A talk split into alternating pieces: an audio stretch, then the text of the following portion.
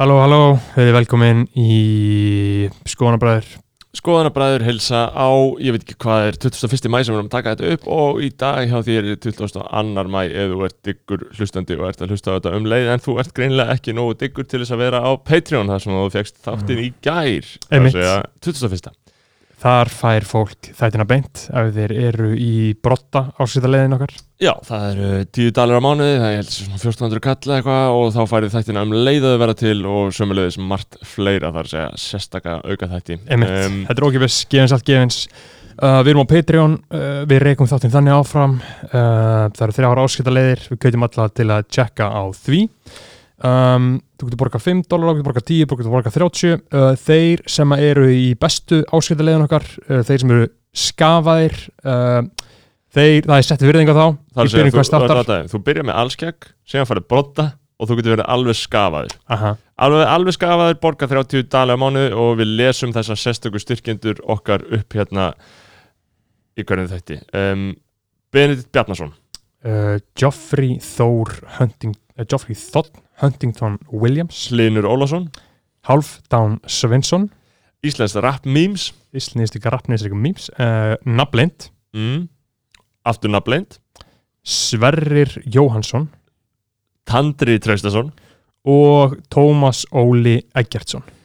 Þið, kæru uh, hlustendur sem við vorum að tala upp, eruð að um, styrkja frálsaförmilun með uh, ólíkam hætti en aðrir og Halda- ég held að þið séu að hafa mjög góð áhrif. Þeir eru alltaf þessu bræðarlega uppi. Uh, í dag erum við að tala um frekar sjúka veislu og þetta er eitthvað sem við höfum okkur að gera lengi. Uh, við erum að fara að tala við Þórð Snæ Júliusson, rittstjóra kjarnans og uh, einn af fremstu blaðmennum Íslands, myndum að segja? Já, já, það er au- au- auðvelt að segja það. Já, uh, hann hefur verið bara í Sveisljósunu, ég veit ekki síðan hvenar og, og uh, já, bara ég held að hann hafi nokkuð, nokkuð mikið um uh, þjóðfélags ástandi að segja. Og við ætlum bara rétt að fara eins og málin með honum, það er ímislegt sem uh, brennur á mann að vita. Uh, já, ég segi ekki hver eru raunverulegar skoðanir Þórðar Snæs að það kom, kemur svo sem fram í þeim ótæljandi leiðurum sem hann skrifar en Einmitt og líka bara okkur langar bara til að fræðast um svona hitt og þetta sem hann hefur uh, sérþekkingu á sko. Þannig ég held að sko framöndan sé þáttur þar sem eh, kortvækja verður. Já. eh, veislu skoðanir og veislu skoðana skipti en einnig fræðsla á grundvallar atriðum eh, já, hvað getur við sagt? Efnahagskerfisins og slíks Þetta er bara eins og, eins og, eins og Joe Rogan segir alltaf þegar hann lesir upp hann að skilsera auðlýsinguna Learn, learn, learn, learn, learn, study, study, study, study. Einmitt, við erum eh, hlaðvarp sem eh, greinlega vísum í Joe Rogan hérna Við- við, uppafið þáttar. Vi, Við erum pro Joe Rogan hérna. Joe, Uh, Joe Rogan var að loka fucking rosalegum díl við Spotify Já, þar sem hann verður uh, exklusífur og ég er mjög spenntur að sjá hvernig það fer fram og hvað risastóra ógeðslega tækni fyrirtækið Spotify er að fara að gera í þessum málum sko. En sko, ég, sko, þetta kemur mér ekkert óvart, það kom mjög mörgum óvart, en ég hef verið að tala um þetta, þetta er gert í Þýskalandi, þeir eru byrjar að gera þetta í Þýskalandi, þar sem við kaupa risastórar útvarspersonur mm og setja þær exklusívar á Spotify. Uh, af því að þetta er það eina sem virkar út af því að hvernig þetta hefur verið svona í bandaríkjunum þetta er ekki endilega svona í Íslandi það er þetta svona media companies sem að fá einhvern til að gera eitthvað podcast fyrir sig. Og síðan verður svo sem að gera podcasti miklu stærri en, en fyrirtæki sjálft og þarf ekki á þeim að halda lengur og getur bara beilað en málið er bara að tæknifyrirtækin eru með svo mikið leverage að því að þú veist þeir bo geta borgað um það ógeðslega mikið að ef hann er exklusíft þá er hann að framleiða þetta sjálfur en setur þetta inn bara á Spotify en ef Spotify var að framleiða þetta með honum sem eitthvað svona podcast framleiðslu fyrirtæki eða eitthvað, það er bara óþarfi skilur, já, já, ég meina, hann er, grein, hann er greinlega bara með innviðina sem hann þarf til þess að fara að stað með þetta og síðan fær hann bara einhvern hræðilegan viðbjörslegan póka sko, og hann er að fara að fá svo ógeðslega mikinn. En ég er samt einhver síður á þeirri skoðun að þetta Joe Rogan podcast sé ekkert eitthvað sérstaklega til bóta fyrir veröldina. Mér, mér finnst þetta svona, jú, jú, þetta getur verið áhugavert en ég held að þetta sé að þetta fokkar í hausnum á mörgum að einhverjum svona, einhverjum uh, gúns sem er að hlusta og er eitthvað svona aðeins að miskilja einhver stóra atriði og byrja, já, geta, fa geta farið inn á villu slóði í gegnum þetta, inn á Jordan Peterson, inn á ég veit ekki hvað og hvað.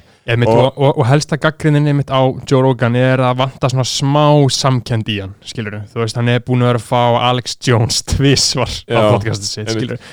Alex Jones var bókstálega að segja að Sandy Hook hafði ekki gerst, skilur sko, Og svona, það er svona helsta gaggrinin á hann en annars held Nei, nei, ég ég að þetta sé bara betur en margt annað sko. Já, já, þetta sé ég- svona kl klísukent og allt það sko. þetta er náttúrulega hlægilegt þetta er, er Joe Rogan sko. Þetta er Joe Rogan. Uh, ég, ég mæli með að allir að í mjög góð grein sem ég lasi gæðir eftir þessa, uh, eftir þessa tilkynningu Atlantic, að googlið Atlantic Joe Rogan, það, það er bara Joe Rogan útskýrir bókstara, þetta er bara mm. löngar einn, tekur hálftíma 45 minútur að lesa hana. Bara bókstara hans apíl útskýrt. Og Atla- þetta er bara Atlantic frá, er- frábær, frábær grein. Atlantic eru oft með svona ágætlega fyndnar mídiagreiningar.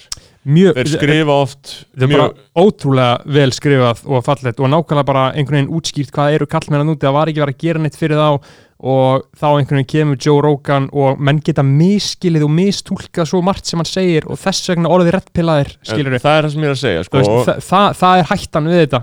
En ég, ég held bara að það sé þegar hann er með, hann er með svo gríðalega áhörndahóp að held að mjög mikill hluti af þessu séu einhverju svona incel-kallar sem eru freka tæpir og ekki- ekki alveg incel, skilur Mhm. uh, en þú veist, þeir eru svona já, ég held að, að stærsti áhörndahópun og ég útilöka ekki að sama gildum okkur skilur en heyrðu, við getum ekki að fara út í það. Tjekkja á Atlantic, Já. við erum að fara að taka viðtalið Þórsnæ og þetta er góðveisla og gleðilegt sumar, það er að detta inn í júni, ég veit ekki hvað er að frétta til þess að við tökum aðeins update á nei, nei, við tökum ekkert update en fréttum eða neitt. Nei, nei, uh, förum yfir í Þórsnæ og hefjum þessa veislu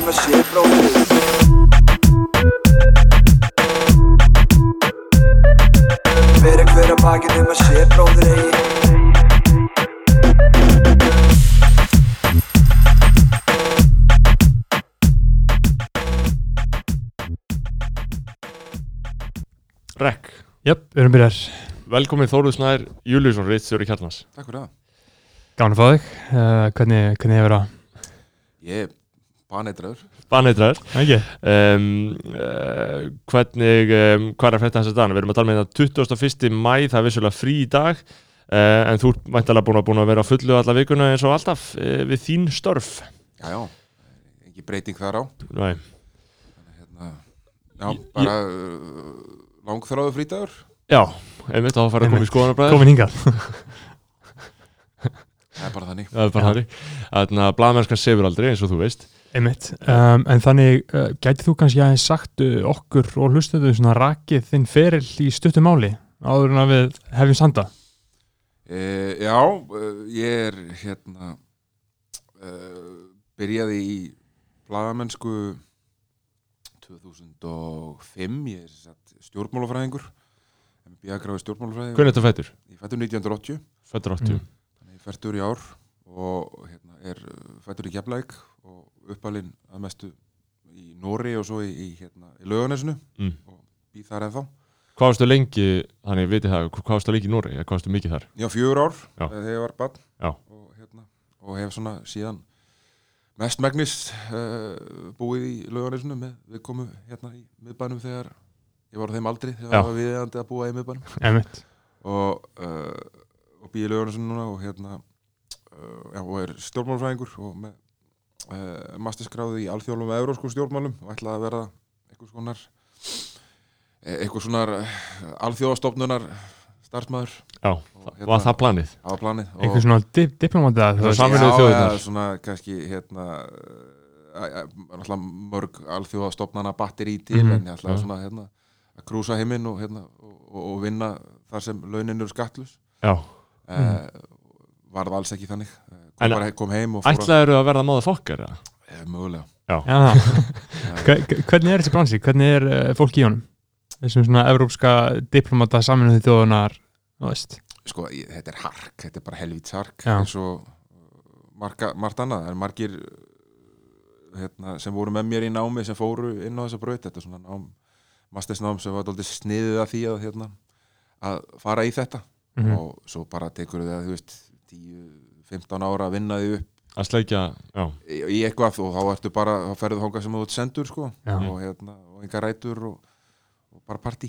Já, og hérna, og svo getur þú mögulega að fengið eitthvað og en, en þá bara þá áfram veginn, þá ertu bara í koktelbúðum það sem eftir er sko. En mér finnst það svolítið áhugavert að það hefur ætlað að vera móða fokkar því það er alltaf veintalega ekki svo mynd sem sem uh, fólk hefur að þeir einhver svona blaðmann í heilugu stríði, skilur Nei, þú veist, þetta var bara að einhver svona tímabundnum raunverulegum og eftir á hekja þátti skrítnum áhuga á Mm. uh, svona alþjóða samvinnu Já, þetta er bara mjög áhugavert konsept sko. en hvað þá, eru við að tala um þá að bara vera bókstæðið til diplomat eða, Nei, Nei, vinna frekar fyrir vinna einhver svona fyrir- think tanka já, og- Já, eða, veist, bæði, þetta er náttúrulega reyngagýr í kringum þetta eða Já. vinna fyrir stopnanir eins og veist, það er stopnað sem veist, eru kringum eins og Íslandi kringum Európska einmitt. Európsambandinu eða NATO Já, eða, akkurat.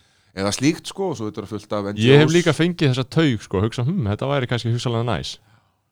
En þetta hvarf, ég hérna kallar þetta motherfucker ég fekk þessa motherfucker tilfinningu dálítið, Mm. hérna, þegar við fórum og hittum svona alumni uh, ég fór að tók mastersnámi í, í Edinborg og hittum alumni úr Edinborgar háskóla, það er að svona gamla nemundur mm. og það var svona þess að hrista fólk saman og búa til ykkur kontakta og ég eiginlega fekk nóg á fyrstu tíu myndunum sko. Og svona tengsla, ne netagerðar Já, ég er ekki gerður fyrir hérna, fyrir, fyrir þau koktelbúð sko. Nei, einmitt að, Þú gafst upp á, þú gafst upp, að ekki gafst upp á, eða bara þú, þú leittist inn á aðra braut Það var þannig að hérna, ég kláraði námið og komið það heim og var búin að ákveða að fara í bakbókaferlag Mm.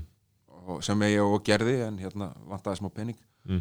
og þá átti ég kunningi sem var að vinna á hérna uh, á blaðinu ég veit ekki hvort að þið munið því fríblað sem var stofnað hérna á bankagóðarisórun Já. Það er alltaf hægt. sem var dreift, dreift hérna bara í 20.000 vindaka og þetta er ekki í einhverjum botlausum tabrekstri og fór að vinna þar í nokkra mánuði og fór síðan og, hérna, og ferðaðist eitthvað um heiminn og kom tilbaka og hérna og ætlaði þá eitthvað að fara að hefja alvöru lífið aftur eins og við vorum að tala um áðan en hérna ég leiti sér bara og fór að vinna aftur uh, í fjölmunum og þú ert ennþá þar. Svo hef ég bara verið þar. En auðvitað fekk ég bara líka þessar bakteríu sko og, hérna, þannig að hérna svona fljótt ákvaða þetta lægi ágætla fyrir mér og hérna og hvað, þú kemur þá heim úr heimsreysu hvaða ár?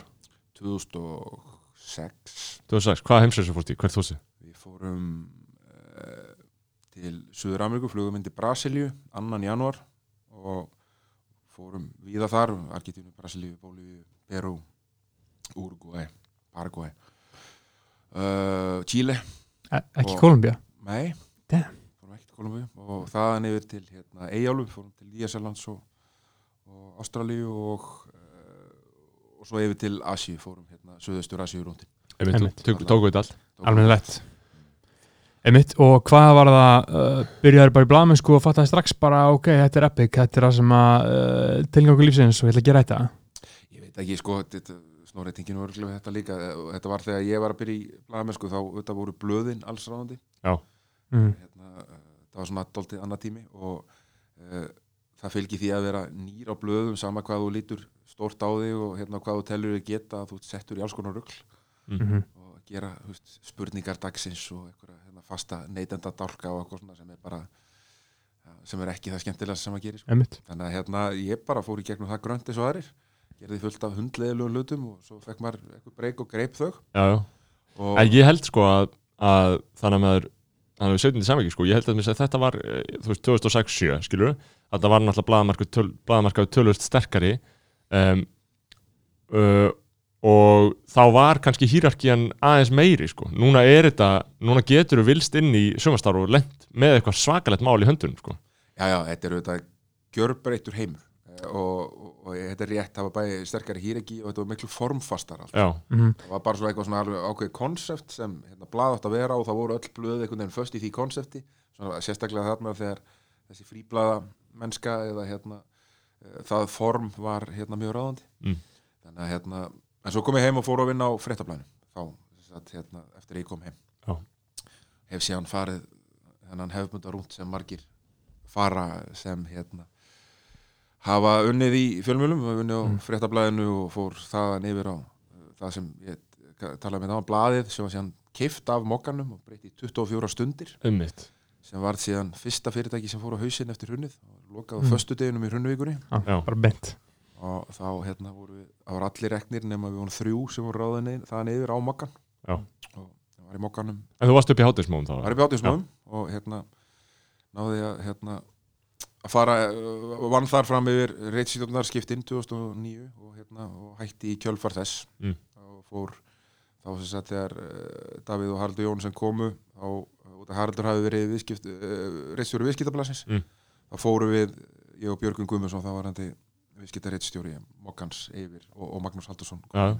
yfir á viðskiptablaði og þaðan hérna, skiptum stað við Harald þá. Já, svona nokkurn veginn Já. og hérna voru þar í ykkur tvö ár og voru síðan báðir ráðunir ég og Magnús sem höfum fylst nánast alltaf að í, í blaðamennsku Já. Eh, saman yfir sem svona yfir sikkurum uh, viðskipta hlutunum hjá 365 Já, sem það var. Ég- vísi og fréttablaðin Já, ég var yfir að markanum og, og Maggi yfir hérna vísi og stöða 2 hlutan Var þetta mjög aðskilið þá, 365 eða? Var þetta bara eiginlega sama? Þetta var þetta var ennþá uh, ofaðskilið Mm. uh, en uh, mikill hluti af okkur svona einhvern veginn skipulagningatíma fór í það að reyna að samþætta þetta. Mm Einmitt. að, að, hérna, að tengja saman vinsluna á blaðinu við net hlutan og sjómanshlutan Mm. þannig að hérna það er svo margt í þessu sko, ég fer að hugsa um svo margt. Ég get, ég get talað svo margt í þessu og bara prentið og blaðið og allan hennar mun. Uh, núna ertu náttúrulega bara búin að ritt sér að kjartanum uh, og stopnaðir hann hann 2013 eða 15 13 13 komin sjö ár sem er að heldur, langur tími til þess að halda þetta út. Um, og þú heldur þetta út? Já, já, uh, þetta er hérna þetta er hark. Já, svona væga sett og ég held að hérna til þess að, endast í þessu þarf maður uh, að vera svona létt geggjaður og, en líka að vera uh, svona heiðalögur við sjálfan sig og gangast við því þegar maður gerir mistök. Já, það er, það, er, það er eina sem þú getur gert til þess að einhvern veginn að halda floti í einhverjum svona bransa í svona langan tíma sem er svona erfiður. Það er það hérna, að vera ekki að endur taka mistök mm. sérstaklega svona rekstralega trekk í trekk.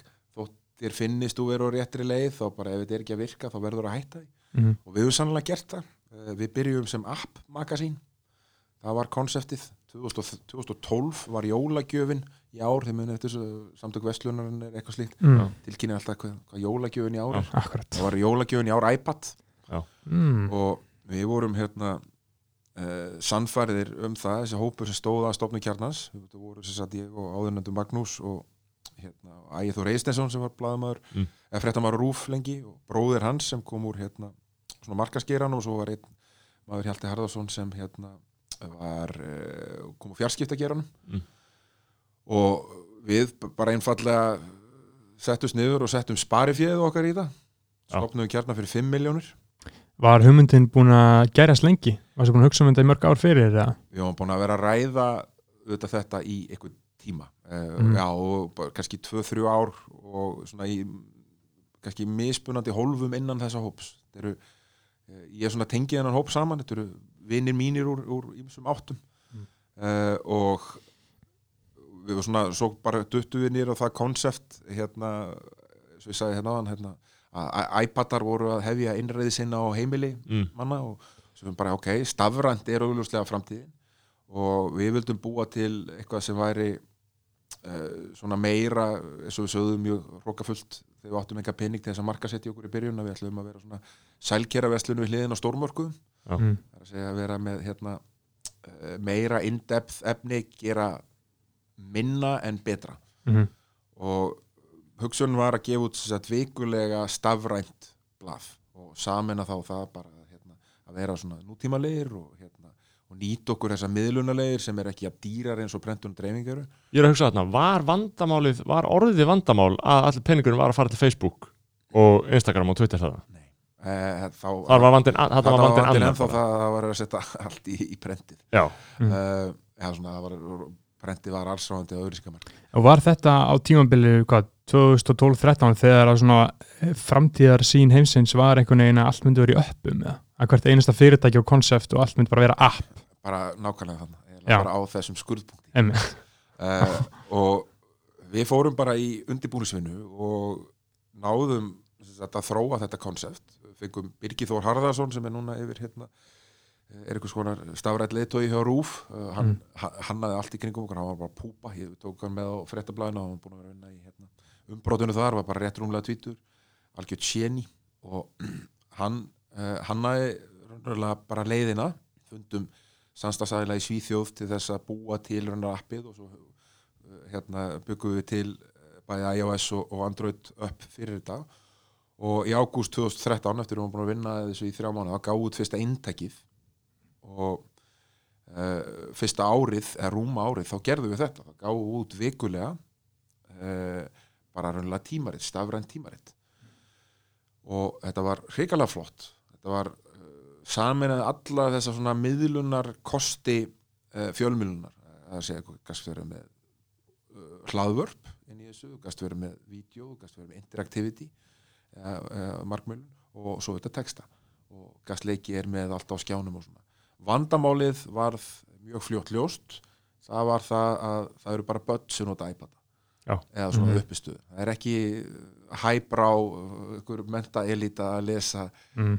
djúpa þanga um þjóðfélagsmál í iPadnum því miður uh, við þess að gáum þetta út uh, já, fyrir iPad á síma og þar var notkunin ekki eins og við vorum að vonast til en lesturinn var hins vegar alveg í takti það sem við ætlum að gera vegna þess að það voru allir að lesa þetta í PDF útgáfunum sem við settum á netið. Já, þannig að við vorum þarna hópar á mönnum að vinna launa lítið og launa lust í einhverju All- allan sólarhingin að búa til einhverja laust og eitthvað sem var okkur fannst og mér finnst ennþá í dag ofsalega flott en var augljóslega ekki það sem fólk vildi fyrir svona vöru. Eh, þannig að hérna, það sem hefnaðist vel á þessum tíma var það að við vöktum mikla aðtikli er að segja brandið náði að vekja mikla aðtikli þrátt fyrir að við hefum ekki átt krónu til þess að marka setja okkur. Uh, efnið vakti mikla aðtikli og varð svona einhvern veginn veita til upptöku fyrir aðra miðla það sem lesturinn hjá okkur var ekki svo að nætt að vera þannig að það var mjög auðvelt að pikka okkur upp á netmöðlunum og svo leis Já, og hérna þannig að við segja fréttinnar já, og, og, En- og svo þessar frétta skýringar þetta koncept sem við vorum með. Og við náðum veist, að búa til þetta buzz, við náðum Já. að búa til þennan grunn sem við Var- vildum. og var það þó bara mm, svona fólk talaði saman? Já og auðvitað, þú veist, svo var verið að þú veist að reyna að þakka niður í okkur hótanur lögbánskröfur og svona Mm. sem er alltaf gott marketing. Það, það virkar alltaf sko veist, þannig að margt sem við vorum að gera við vorum að vinna mikið með sagt, að opinbera gögn eða sem sagt vorum að vinna úr gögnum sem hérna, við höfum fengið hérna, vorum að sína inn uh, þetta náttúrulega var ennþá stittar frá hruninu enn í dag þannig að það var að vinna úr þeim málum og hérna, uh, þannig að uh, svo er þetta kröfu hafa stríð hérna alveg á fullu verlendu kröfu hana, við vorum mikið þar vorum að varpa ljósa á marga fleti sem voru í gangi þar og svo þetta voru við sem var kannski mjög nýtt í þessum tóni sem við vorum með að við vorum í miklu meira svona storytelling í stjórnmálum og já, sem var ekki eitthvað koncept sem hafi verið mikið á Íslandi sko. þetta er auðvitað þekkt eh, hérna sérstaklega í bandaríkjum já, Mhm. en hérna sem við og, og svona reffarnir sem við vorum að horfa til voru mikið af bandarískum uh, fjölmjölmarkaði hvað, hvað fjölmjör þetta helst í bandaríkjunum uh, við vorum að horfa á sko efnislega vorum við bara að horfa á uh, hérna New York Times mm Mhm. og stóð Post og svo vorum við að horfa á þessa nýju uh, netmiðla sem voru koma upp á þeim tíma Vox uh, og, og framsetningunum hjá Vox og allt í kringum það dæmi Mhm. þeir voru til að nýja þá Politico já. uh, og hérna þetta voru Svona li- liberal media listformið að já, þetta var veist, uh, það, veist, bara hérna og svona, þú veist og, en að byggja á kannski þessu kóri og því ég meina bandaríkin eru vagga nútíma fjölmjölunar Mhm. þar eru allar þessar svona grundvalla reglur fjölmjölunar sem við eigum að vera að vinna eftir samkvæmt bókinni, þær eru fundnar upp þar sko. Já. og, og, og við vildum svona hérna, og þetta vorum ægilega græðir og hundleiðilegur stundu sko. Já. svona út af við og, hérna, Mm. og bara rókafullir já. við vildum svona taka þetta hérna, reyna að koma aðeins með þetta inn vegna þess að veist, við vorum alveg bara okkur, við vorum búin að finna við vorum orðin það gamlir við vorum orðinir rúmlega þrítugir og hérna, eða, 32-30 ára hérna flestir. Við vorum búin að finna og við vildum starfa í fjölmunum en við vorum ekki ánæður með starfsumhverfin sem við vorum búin að vera í. Fast, fastir inn á einhverju rittstjórnum þar sem að voru náttúrulega eigundur eftir allt? Já og, veist, og þetta var bara skrítið þú veist, að þú tengir alveg það í dag hérna, að, og þetta verður aukist mjög að veist, það er mikil áhersla á framleiðni fram yfir gæði oft því miður í íslensku fjölmunum Mhm. þetta var byrjað vel á þeim tíma. Það var að auka hraðan uh, auðvitað, alltaf verða stafrætna sem er eðlileg þróun en það var að auka hraðan, fjöl, fjölga efnunum fækka starfsfólkinu gæðin voru að minka uh, munurinn á að vinna á rittstjórn á blaði þegar ég byrjaði að vinna þar, sko, fyrir hrun uh, 2006, 2007, 2008 og svo að vinna þar 2011-12 var heimin og haf Já. það var bara svo tveir ólíkir heimar Er það þá bara yfirmaðurinn, reitstjórin eða einhver starfsmaður sem að yfir, yfir vaktinni bara íta á eftir fólki eða? Já, bara, uh, það, það, það er ekki eitt, það er allt sko. Mhm. uh, finnur bara á þér að Þú varst bara þarf bara með- að skila skilur Já. í fyrsta lagi varstu bara með hérna, hérna áður fyrr, þú veist bara eins og til dæmis að vinna á mokkanum uh, það er það tími sem ég vann á mokkanum, það er sko mest í blamanna skóli sem ég nokkuð maður tekið á þeim tíma, að vera alltaf komin inn í einhverju svona stopn sem mm. mokkin er, með alla þessa sögu uh, alla þessa reynslu bara fara að vinna allt í hennu með fólki sem er búin að vinna í að fjalla um íslenskt uh, þjóðfélag áratugum saman sko, og hafði ótrúlega getu til þess að gera hlutina rétt og þú veist bara á þessum tíma þá lærir maður meira á einu eða tveimur árum því að bara umganga svona fólk og fylgja þessum prótokólum sem voru búin að þróast þar í gegnum ára tugi en maður hefur ekki nokkuð tíma gert fyrir það síðar sko. En þetta því, því miður fannst manni vera daldið að fara og ég hafði auðvitað samanbyrðu þegar ég var á fréttablaðinu sko. ég hafði unnið þar þegar fréttablaði var með þú veist, 70% lestur hérna, Einmitt. þetta 2016 eða 60 og eitthvað prósent bara það var bara, það var booming.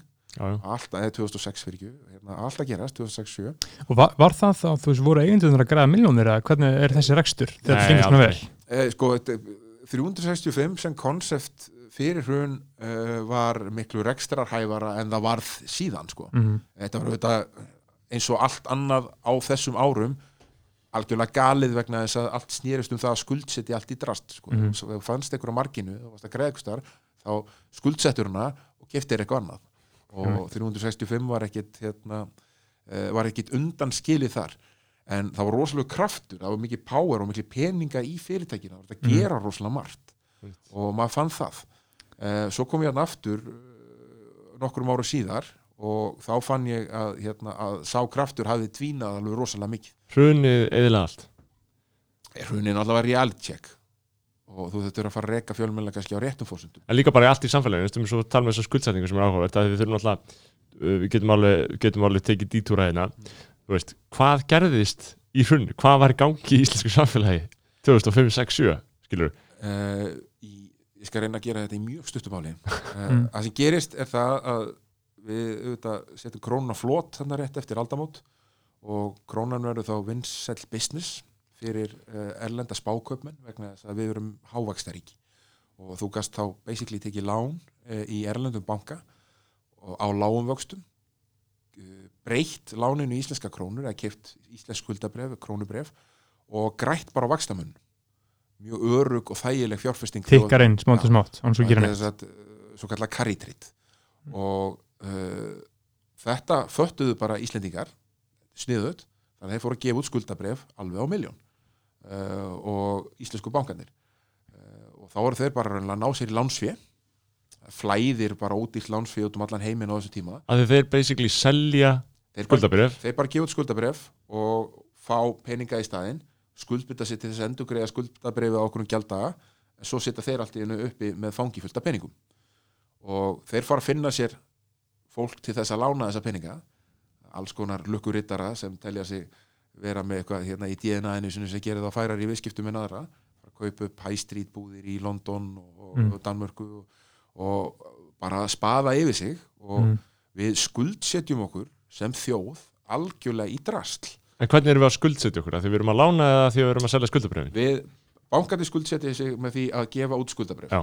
taka peningar inn og svo lána þeir peningana áfram til alls konar íslenskara fjárfesta til heimila, heimilin alltaf skuldsetja sig alveg svakalega, það var þótt ekki fínt þarna á þessum árum lengur að sapna fyrir neinu sko. Nei, og þetta bara bara útskrifaðist úr háskóla 25-26 ára og þú, þú ert að hluta ástæðan- Volkswagen Touareg í Já. innkeyslunni, þú áttir að eiga ráðhús í Kópavogi Já. og þú þurftir ekki að eiga krónu fyrir þessu sko. Þannig að það var bara sjúklega mikið norm bara að taka lán fyrir öllu og ástæðan fyrir að við gátum verið að veita svona mikið að lánum bæði til heimila og til, er til innflæða- var, var þetta flæði er að koma Já. og svo það sem gerist er að það, þú veist, þetta, og þetta var þetta gerast um allan heim, það er bara að vera að flæða peningar, ódýri peningar út um allan hinn alþjóðvata heim og svo kemur uh, þetta bakslag í þetta. Uh, og hérna menn, einhvern svona vítisvélinn fer að hyggsta sem byrjar með þessum hérna eh, þessum eh, fastnaðalánum í bandaríkjunum sem var búið að böndla saman, hafa búið að lána svona, eh, þú veist, þetta var kallað stundum í bandaríkjunum poor man on the porch lán það er að segja, þú veist, það hefur fann að lána fólki sem hafi ekkit kapastet til þess að greiða af húsnæðislánu sinum til þess að Já. kaupa hús.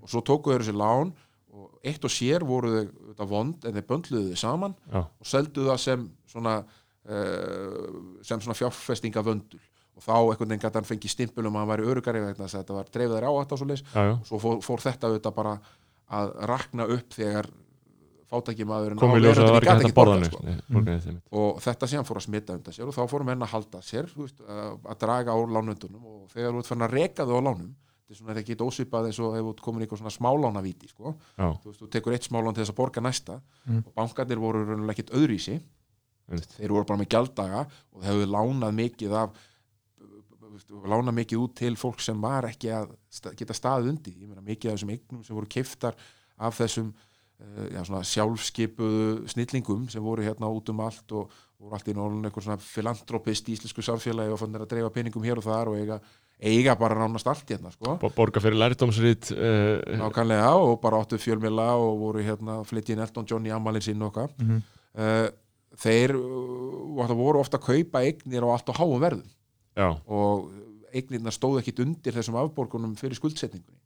Af hverju keftur þetta svona á örum? Það þetta bara- ekkit sérstaklega snallir í viðskiptum. Já, það var bara sama. Það er ekkit flókið. Þeir, það þau bara höfðu mikinn aðgang að lánsfíð bara, Mhm. þú fóst út og bara setja bara, þú bara með alla vasa fulla peningum vegna þess að bankin sem þú ert reynda búin að kaupa Já. er að lána þér peninga Mhm. og þið langar að vera spaði og hérna og eiga uh, veist, alls konar fyrirtæki út í heimi og vera flottur og þú fer bara á býður í þau og enda með að borga verð sem er ekki í takti við undirleikjandi rekstur Mm. borga miklu hærra en reksturinn rannlega getur staðið undir og þá getur reksturinn ekki skilaðir peningunum sem þú þarft þess að borga af láninu og þá ertu komin í smá vandamál þá getur bankin ekki með góðum móti staðið við sína skuldbyrningar og það sem gerist í hruninu er raunulega það, að, það byrjar þetta, alheimsbankakreppa en þá og, og hún, stendur alveg yfir frá svona 2007 og þá eru íslensku bankandi komin í vandræði og þá fara að reyna að redda sér.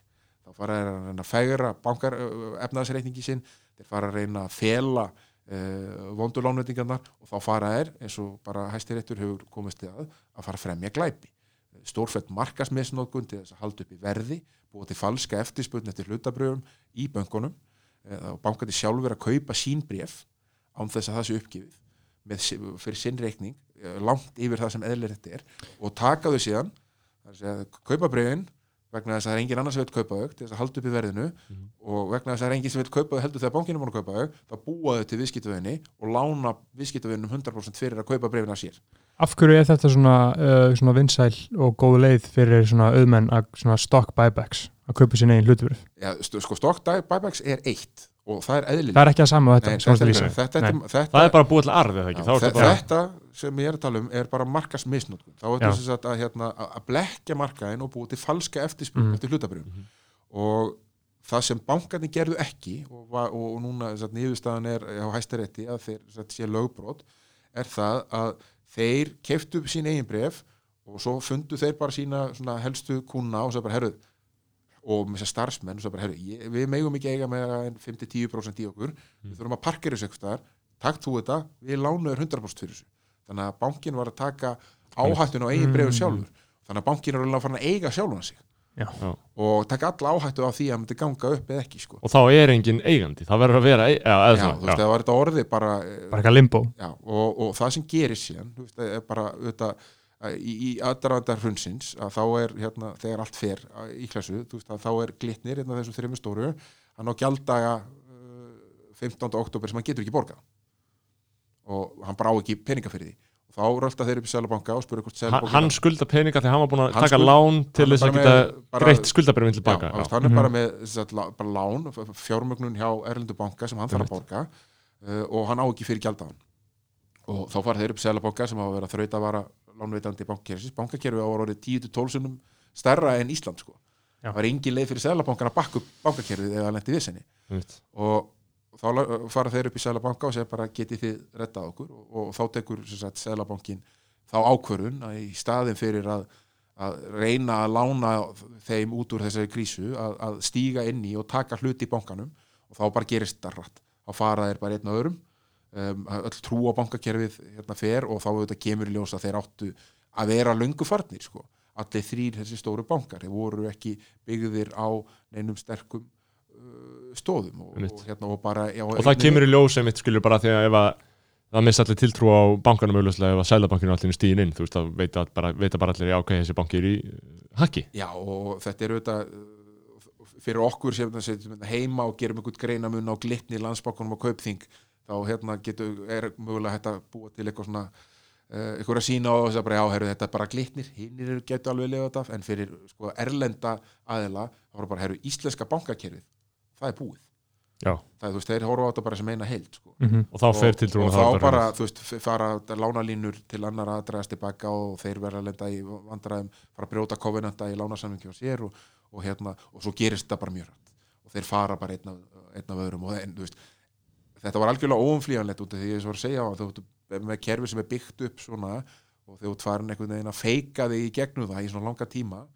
að það var óumflýjanlegt að þeir myndu fara líklega hefði verið betra að þeir að farið tölvöld fyrr uh, vegna þess að vandinn magnaðist Já, það þetta verið aðeins öðra en bæbakki sem þú ert að tala um á það er raunlega Mhm. bara önnu leið uh, til þess að skila arði. Mm. uh, þú veist sem að við þrýstofnum við fyrirtæki og, hluta, og, og, og hérna og uh, útlagt hlutafið er 1 miljón og svo gengur vel hjá okkur og við erum að græða penning og við látum það félagi sjálft kaupa tilbaka 200.000 af hlutafíðinu Mhm. þá er það bara að skila hlutafíðinu til okkar einmitt. og hérna, þannig að þetta er bara önnu leið til þess að greiða út alls sko. Einmitt. og, og það er bara, þú veist, hefbundin leið hjá skráðum félögum að vera í slíku en þá erum við hérna með þá erum við hérna kom, konum við bankarunnið í oktober 2008 eh, og svo kemur þessi efnahagskreppa um, og hvað gerist þá? Skilur, hvernig, hvernig smitast þetta strax út til allra Íslandika? Er það bara því þeir voru með lán uh, sem þeir gáttu heldur ekki að borga fyrir eða?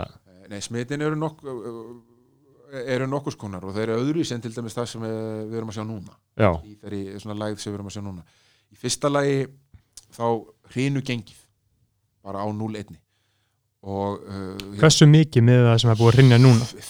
meira þú veist, 40-50% sko. Já, og það auðvitað, hérna, þegar, ískrónar hrinur þá auðvitað er, er virði okkar í alþjóðasamburði orðið miklu minnað og ber Mhm. launin saman við eitthvað sem þú þekkir í London þá er þetta allt í orðin ja, töluvert verðstattur en þú varst þarna tímyndum áður uh, það hefur auðvitað gríðarlega áhrif vegna þess að uh, sko lækkunum gengi hjálpar íslensku útflutningsfyrirtækjum sjávarútvegi og, hérna, og öðrum uh, þau fá fleiri krónur fyrir dólarna öðrum sem þeir selja fyrir Mhm. en þetta gerir allt dýrara sem við flytjum inn Mhm. þannig að þú veist fyrir okkur þá eru bara dýrar að lifa. Dýrar að kaupa í matinn uh, allt svoleiðis. Ég man eftir að við vorum í Danmörku bæki, við vorum í Danmörku þegar það hrundi, eða ekki Mm. alveg í Danmörku, við fórum til Danmörku og skipalöð stutt ferð. eftir, og vorum bara að fara beint til Danmörku þarna þarna vetur. Mhm. og við máttum ekki kaupa neitt sko. Við máttum Nei. bara kaupa eina derhúi. Danska krónan var 21, held ég. Samúnin núna samt. Já, nei, En- þetta, er, þetta er eitt sko, þú veist, og þá verður allt dýrara. En þú veist, svo fer verðbólgan á rosalegt flug það sem auðvitað helst í hendur kannski við þetta. Uh, verðbólga fór hann upp í þú veist, 18% eða eitthvað sko, bara óða verðbólga. Já. og st skulum munna það sko að stýrivextir hérna á þessum tíma voru hækkaður upp í tveggjastafatölur sko. og Og, hérna og hvað, þannig að við útskýrum það hérna fyrir það er, eh, við erum með hérna ungan og góðan hlustið hóp eh, og mig sjálfan, stýrivextir, verðbólga eh, já, þessi að ver verðbólga er hérna, sem er náttúrulega á líka við núna, það var náttúrulega verið að- að já, eh, þessi, verðbólgan gerir, hún er raunlega bara hækkun á vísutölu neysluverðs Já. uh, vísutölu neysluverðs mælir allt sem við erum að kaupa einmitt, Mhm. og hérna og þegar allt verður dýrara skilur þá svona í einföldum máli þá, hérna, þá hækkar verðbólgan Já. og, hérna, og hún fer þarna bara á fullt og verður rosalega há og vandamálið, stóra vandamálið fyrir heimilin í landinu var það á þeim tíma, það voru nánast öll húsnæðislán til dæmis og bílalán, og það munum hérna sem vorum að tala um á hann, það voru allt einu bara tímar hérna, svona þykja fjóra tímabil það sem allir þurftu að eignast allt strax. Mm. og skuldsettu sig langt upp fyrir haus. Íslands heimilu voru hún orðalveg gífurlega skuldsett. Uh, og bílalánin og uh, húsnæðislánin voru tvænskorar, annars vegar voru þau verðtrið, það þýðir það að verðtryggingin fer inn í höfustól lánana Já.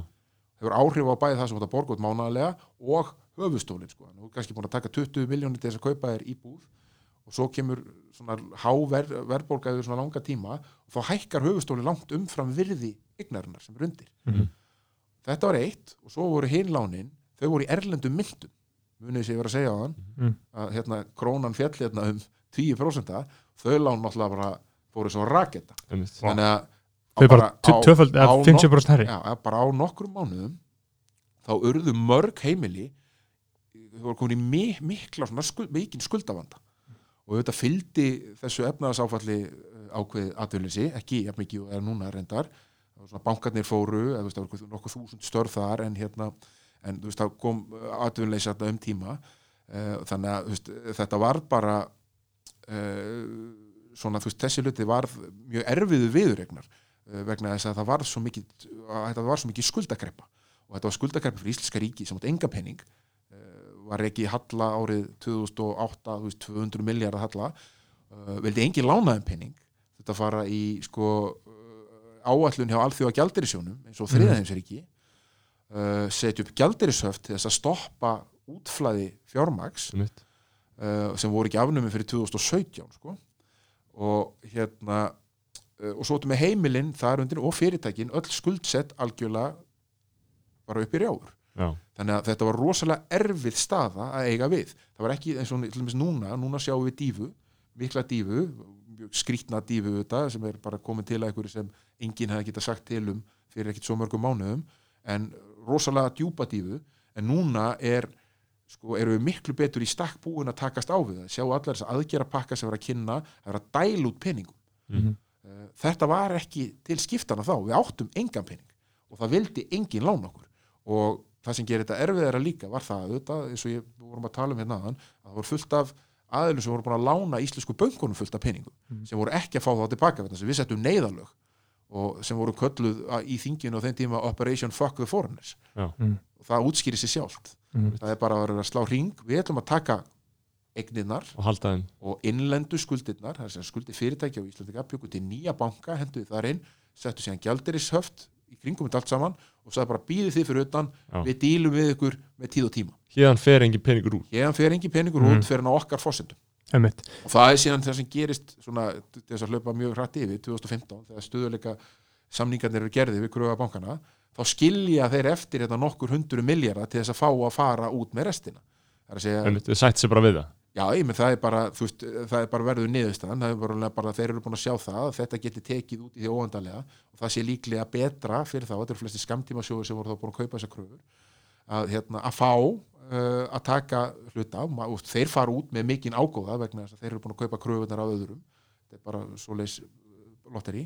Uh, en Ísland situr eftir í miklu betri stuð. Allt í einu lagaðist bara skuldastaða Íslands um 500-600 miljardar Þannig að megin munurinn á uh, stóru, stóru gömlukreppunni og sem við erum að gera, sem er lendi í núna, svona dífunni niður, það er að núna á ríkistjórnin pening til þess að bjarga þessu og redda þessu, en hvernig á hún hennar pening og var bara þannig úst, í gömlukreppunni að það bara var bókstala til 0 krónur inn á bara heimbanka ríkistjórnunar. be- besta skýringin á uh, þessu sko, þú veist, uh, því að við þetta getur prenta endalaustan íslenska krónur hérna. Mm -hmm. Veist, það er bara sælabókin geti búið til bara þú veist, þúsund miljardar hérna, og við getum fara að, fara að dæla en, veist, en þetta eru bara íslenska krónur sko. verðgildi íslenska króna verður Ræðst að því- hvað aðrir eru tilbúin að borga fyrir þær í öðrum gjaldmiðlum. Út af því að, út af globalismanum, já, já, það er bara þannig. Og hérna, þannig að þetta, svona, þegar þú lendir í svona stöð þá snýst þetta dálítið um það hvað áttu af öðrum gjaldmiðlum sko.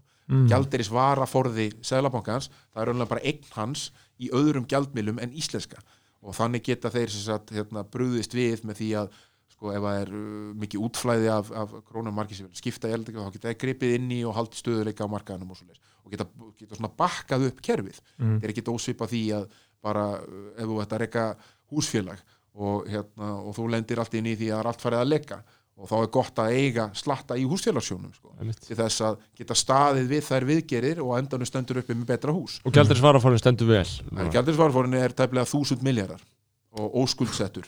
Já. Gjaldirisvarafórin þegar hruni varð hann var nánast allur lánaður til kaupþings í frægu neðalóni Vá, uh, í hérna, neðal, til þess að reyna að gefa kaupþingi að fighting chance 500 miljónir evra Mhm. uh, og sem hérna lukkaði sannlega ekki og fegst ekki endurheimtur nema að litlu liti og eh, til þess að Var það þá ekki bara hræðilega ákvörðun? eða? Jú, jú, hún var afleitt en, hérna, en það, þetta er alltaf hægt að vera vitur eftir á Já. Mhm. uh, til þess að lýsa hvernig staðan var að þá hérna, fjármálaráður þess tíma, Átni Mattísen hann fór sem sagt, út í held að vera á fundi á alþjóða gældarisjónum eða World Bank þarna í er alveg miðju bara storminum og hann skrifaði bók sem hann skrifaði um þennan tíma að hérna, áður en þeir fóru út þá uh, fóru þeir og náðu hann, sa- hann sagði basically við tæmdum eiginlega bara gjaldirisreikningin hjá Sælabankanum í reyðu fyrir vegna þess að við vorum ekki vissur um að kortin okkar myndi virka og þetta var fjármálaráður Íslands Mhm. uh, og, hérna, og þeir voru að fara út með reyðu. Já.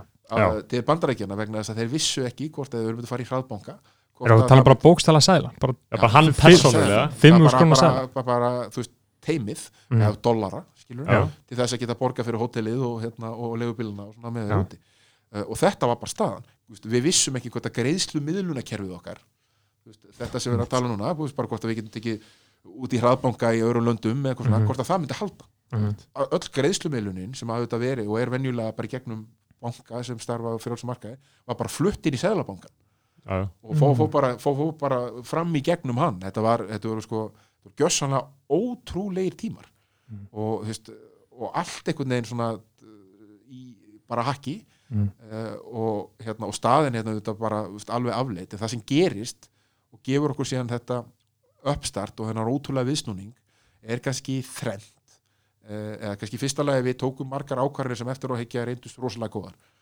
Neðalögin voru frábær ákvarðin og þau stóðust Þau fólust í að ekkert fær út Nei, neðalögin fólust í því að þess að við sáðum á hann bara Operation Fuck the Foreigners. Það er bara að taka eignir bankana og búa til nýja banka. Já. og þá voru bara færðu allar skuldir íslenska fyrirtækja og íslenskara heimila inn í nýja banka Já. og tókum eignir úr gömlubönkunum inn til þess að mæta þeim og búa til stabilan eignarðsreitning og svo settum við gjaldirisöft og heldum bara þeim sem áttu raunverulega já, fyrir utan höftin.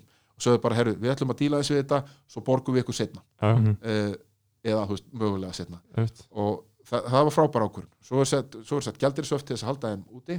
Það var frábær ákvörðun. Fórum í alþjóða gjaldirisasprogram sem reyndist á eftir og heikja frábær ákvörðun og breytti alþjóða gjaldirisjónum sem hafði fram að þeim tíma verið með allt öðru að, að, aðferðafræði og verið auðvitað að vinna með allt öðru sí ríki en Ísland sko, að hjálpa, það var ekki óvennulegt að vestrænt þróaði líðræðisríki eins og Ísland væri að fara í prógram hjá alþjóða gjaldirisjónum það reyndist frábær ákvörðun. Uh, svo kom bara raunulega hérna mikill makríll Já. fiskurinn makríll Já, inn í Íslandsstrendur það er bara breyting og hittast í sjáar mögulega það er, það er ein teórian Mhm. uh, sem útskýrir þetta en það er allan þannig að hann fór að veiðast hérna innan okkar uh, marka í miklu meira magni og varð rosalega góð viðbót við útfyrstekjur allt í einu var þarna komin uh, eitthvað á mjög góðum tíma þurftum að auka gjalderi skapandi tekjur og hann mættur hann svo hérna bankarhunnið kom auðvitað Íslandi á kortið við vorum í fréttunum út um allan heim. Uh, oftast nær í aðdraðanda fréttana af bankaglæpamönnum á Íslandi var sínt eitthvað svona drónaskot af einhverju falluðu landslægi og svona mm. þannig að þetta var marketing. Uh, svona undir svona, má ég alveg segja, þetta var svona gorilla marketing fyrir hvaða gæði Ísland hefur. Uh, og svo gerðist það í sömu vikunni april 2010 annars vegar að við gerðum það sem engin önnu þjóð hefur gert að við gáum út rannsóknarskíslu um, um, um runnið sem er einstakt verk á heimsvísu uh, og, hérna, og vakti aðtikli út um allan heim þar sem allt er opnað og öll nöfn nefnd og bara ótrúleg lesning og ótrúlegt þrekvirki uh, svo skísla uh, og svo nokkur döðu senna gaus eigafjallajökul og lamaði flugumferð um alla Evrópu. Það geta fljú í Einmitt. reik allstaðar og það reiki fyrir inn í hreflana og þá hérna rapa flugurlar uh, og þá aftur Ísland í fréttunum allstaðar uh, hérna var staðan þá, ég var að vinna náttúrulega í fjölmjölum á þeim tíma, algjört panik. Ríkistjórnin var í paniki held að þetta myndi eiðilegja þann túrisma sem var hérna sem var þá 2010 voru 500.000 ferðamenn sem komið til Íslands. Uh, voru alls sannfærðum að þetta er bara síðasti naglin í, í líkistuna. Allir eru bara reyðir líka þrátt fyrir að hérna, þau áttu engan pening þá hlóðu þau í markas uh, átak sem heiti Inspired by Iceland Mhm. sem átti að fara um allan teim og markasetja íslenska ferðarþjónustu aftur. En Eyjafjallajökuls gósið reyndist besta markasefferð sem Ísland hefur nokkuð tíma farið mm. Mhm. algjörlega óvart og við stjórnum þið ekki neitt. Er, Svo- Eru við með, eru við með uh, uh, rannsóknir á því hvað áhrif þetta hafi eða vitum við það bara sirka? Þú getur bara sett þetta upp í þetta samingi á þessum árum voru að fljúa hérna hvað, eh, lengi vel voru tvö flugfélag að fljúa til Íslands. Það voru eh, hérna, Iceland Express og, og, og Icelandair. Já. uh, nokkrum árum setna þá fórum við fórum á uh, átt árum frá 2010 til 2018 fórum við úr 500.000 ferðamönnum ári í 2,3 miljónir Já, uh, það er svakalegur veldisvöxtur Mm. fyrir svona lítið samfélag það átti allir á því að innviðnur okkar þóldu ekki þetta magn. Uh, og uh, samhlega fjölgaði þeim sem flugfélug sem fór að fljúa hérna í, þau voru á þriðja tug hérna 2018-2019 þannig að uh, já, já. það varð bara algjör kúvitning Mm. og tekjurna sem sköpuðust af þessu vilda vestri þetta eru stór breyta í þessum viðsnúningi sem varð hérna á öllu saman hérna urðu til 30.000 störf svona bara 0 upp í 30 Já, úst, 30, það, úst, hátt í 25-30.000 viðbúta störf tengd Mhm. ferðarþjónustu og afleitir þjónustu byggingaðina eða svo leis við áttum ekkert fólk í þessi störf. Það er að segja að Ísland var ekki íslensku vinnumarkaður var uh, raunverulega bara bara mettur það var bara mettur og við erum ekki að fjölga okkur eins og kaninur við bara erum að fjölga okkur frekar hægt. Uh, og við höfum að flytja það við fluttum inn vinnuafl á sama tímabili frá 2011-12 til 2019 þá fjölgaði erlendur ríkisborgur sem flutti Íslands um nána sömu tölu. Þeim fjölgaði, eru allt í orðnir yfir 50.000 sko, og fjölgaði um 30.000 hérna á nokkrum árum. Uh, til þess að vinna meðal annars í þessum störfum. Og þannig að erum við komið með tvö af, að, svona, þrjú af meginatriðunum sem orsaka hennar vissnúning Mhm.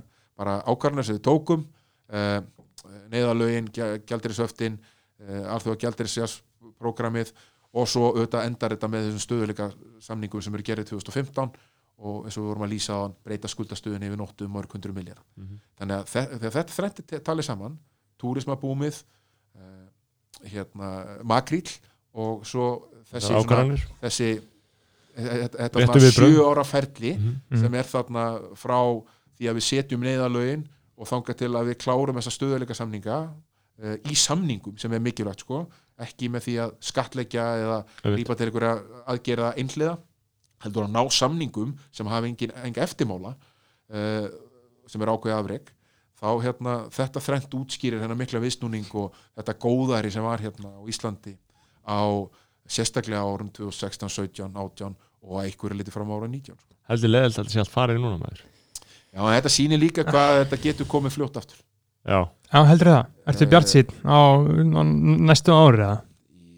ég er sko til lengri tíma er ég bjart sín en Já. hérna til skemmri það tíma getur tekið 2-3-4 ára er ég, er ég kannski alltaf að verða svart síðni sko.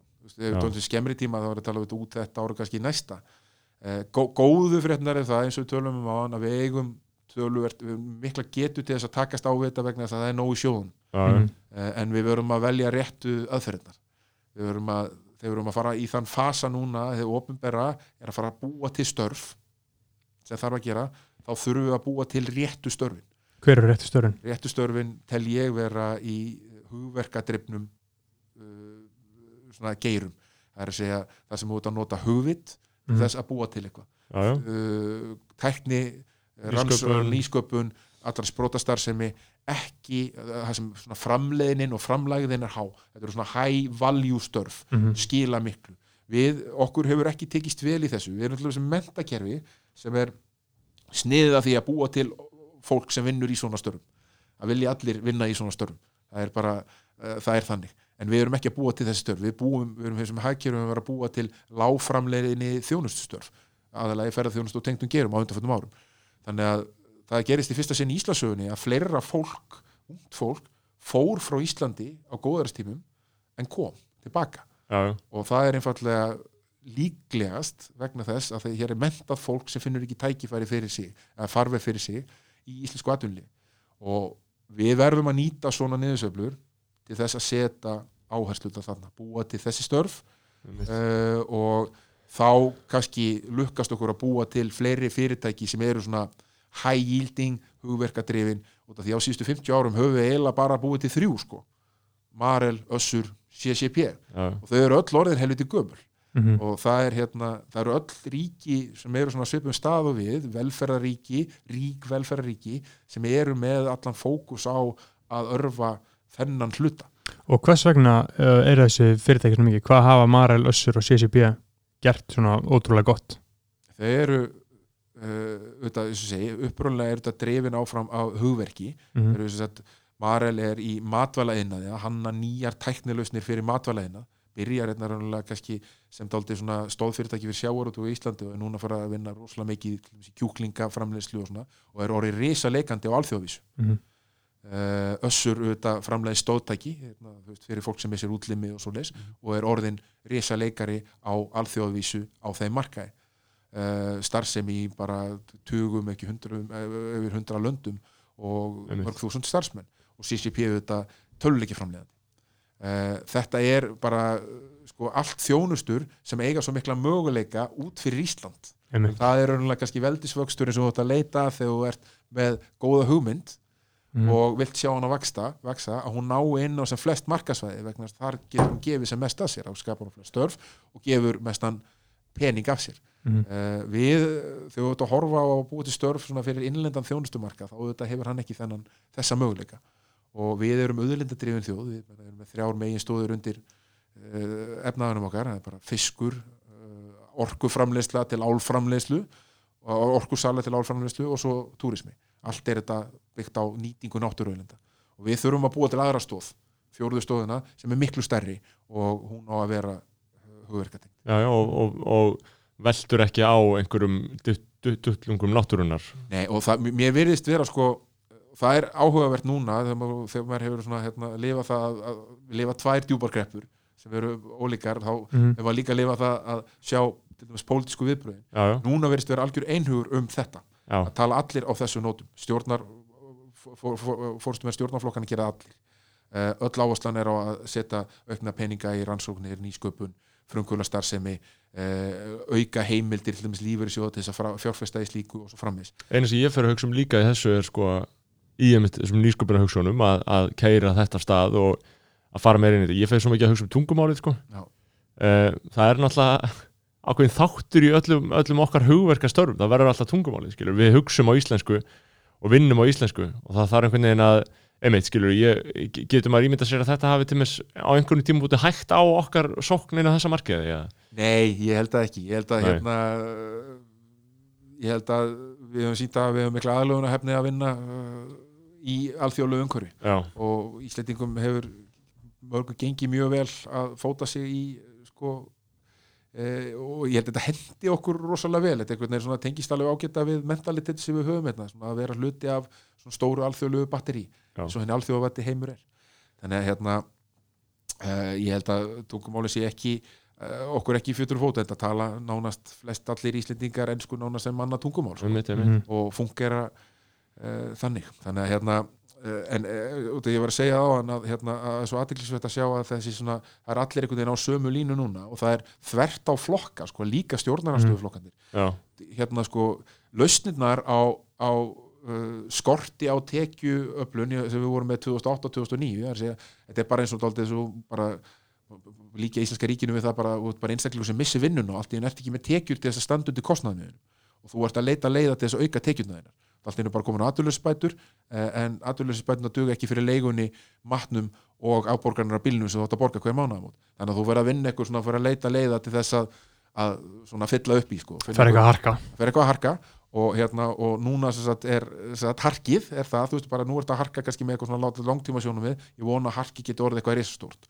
2008-2009 þá voru bara voru að all margir með sömu hugmyndina. Herru, látum bara byggja annað álver. Þá bara hérna látum bara byggja álver hérna í Helguvík Veist. eh, fyrir utan rétti og keflaðik uh, og svo byggjum við fleiri virkjanir og seljum þeim orku. Það er lausnin uh, út úr því verða til svona veist, 400 störfi eða eitthvað, þú veist, að vera, það er eitt sko. En það er ekki langt um lausn en, þú veist, eða- og, en hugmyndi var bara þá bara að hafa fórnuði frekari náttúru í virkjanafrangvætir og byggjum annað álver. Þetta var bara svona mainströms hugmynd þá, þetta er ekki lengra síðan. Það er engin, engin minnst á það að fara að reyna að fjölga stóriðu frangvændum hérna á Íslandi núna í þessum aðstæðum. Og það er rosalega gott það er heilbritt að við séum komið þangað. Að það er, uh, ég held að ferðarþjónustan auðvitað sem nýtir náttúruna hjálpi til við það að, hérna, að menn eru hættir að hugsa svona. Já, all flestir eru hættir að hugsa svona að, hérna, að þetta sé besta leiðin fyrir Ísland sem konsept að, að græða ykkur peninga að það er að virkja sem mest og selja því ykkur álblæðslu ég veit hvort þið að fara inn í álveri. Ég vann í álveri í gamla Mm, í dörnum tíma og þetta er ekki hérna kannski, þetta er ekki mest skapandi starfsöngi dörunni Nei. Nei, trúi því. að hérna uh, já, uh, þannig að þetta er svona kannski ekki, það sem er myndi ætla þjóðfélag sem er að eyða rosalega miklum peningum í að menta fólk í alls konar sérhæfni sem við erum að gera það er rándýrt fyrir skattgreifendur að menta fólk í gegnum sko, grunnskóla, framhaldsskóla, háskóla. Er rosalega fjárfesting sem þú ert að setja það fólk og ef að það er ekkit endgame fyrir sem skattgreifenda, það er að þú ert ekki meina störf fyrir það fólk þegar það kemur út úr þessu ferli farað og það fer bara eitthvað annað þá ertu bara búin að tapa þeim peningum. Mhm. þú fjárfesting er bara farin við komum er ekki að fara að skila þeir nefnum tilbaka við hugsa þetta blá kalt ég, og þessi við þurfum að hugsa þetta lengra og klára þessa keðju búa til störfin fyrir fólki þegar kemur út úr háskólanum Og eru, eru allir, allir flokkarnir, allir sjóðmálamenn bara 100% á þessu? Hvað er það sem að svona gæti það er alltaf mismikill pólitísku villi til þess að knýja á um Já, en þú veist, hvað er svona helsta uh, svona þín persónulega skoðun hver er svona helsta ógnin gegn þessu? Gegn svona þinni sín á framtíðina? Hvað, er- hva, hvað eru öflin gegn? Gekk Þórið Snæ Já, það veist. Nei, ég meina, ég, hérna, veist, það, það er nokkuð breið samstæða held ég hjá flestum stjórnmáluflokkum frá vinstir til hægri um að það sé skinsanlegast að ríkið seti mikla fjármunni í að búa til aðstæður. Þetta ríkið er ekki að fara að stopna þú veist, eh, nýsköpun EHF sko, veist, bara eitthvað fyrirtæki sem er að fara að fara í kringum einhverja hugmynd en að búa til aðstæðunar að vera með fjármagn tilbúið fyrir góðar hugmyndir að nálgast þegar það þarf á því að halda til þess að vaksa uh, og um þetta virðist vera nokkuð breyðsátt.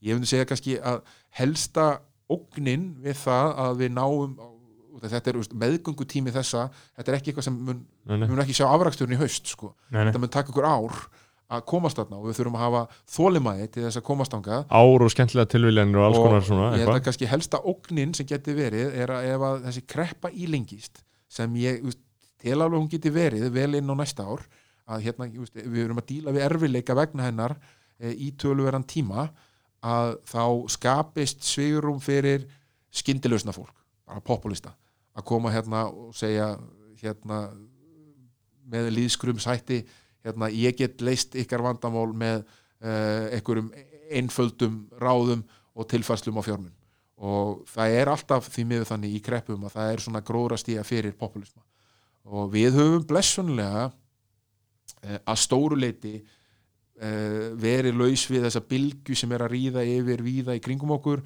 sem er populismi kannski byggður á uh, svona þjóðirnishyggju og kynþátta og þóli á, bara rasisma ofta Já. á þessum nótum er mjög aðtilsvert sko, ég myndi að hugsa út í til dæmis um, ef við berum okkur saman við Þýskalandi um, um svona populíska flokka þá erum við með AFD þar og AFD komst upp á strik það er sérst bara svona þjóðurnis aukaflokkur eh, þeir komist upp á strik eftir 2013 Nei, 2015, það var flottamanna gríðarlega aukning í flottamanna það hleyftust, Merkel hleyfti bara gríða bara tók bara mjög umdelda pólitíska ákvörðun á einu tímpúti um að bara hleypa ógeðslega mörgum inn bara því að stopn, nei, bara pressan innan alþjóðastofnuna var orðin slík. Þá varð AFD í rauninni til og eru núna með 25-30% á örfáum árum hafa þeir sópa til sín öllu því fylgi og síðan núna eru að sjá með koronu dæmið. Um það sem nú talum sko, þú veist um, þess, þessa þannig þrýst, þess, þess, þessi þessa gróðrastífi fyrir þessu öll sko.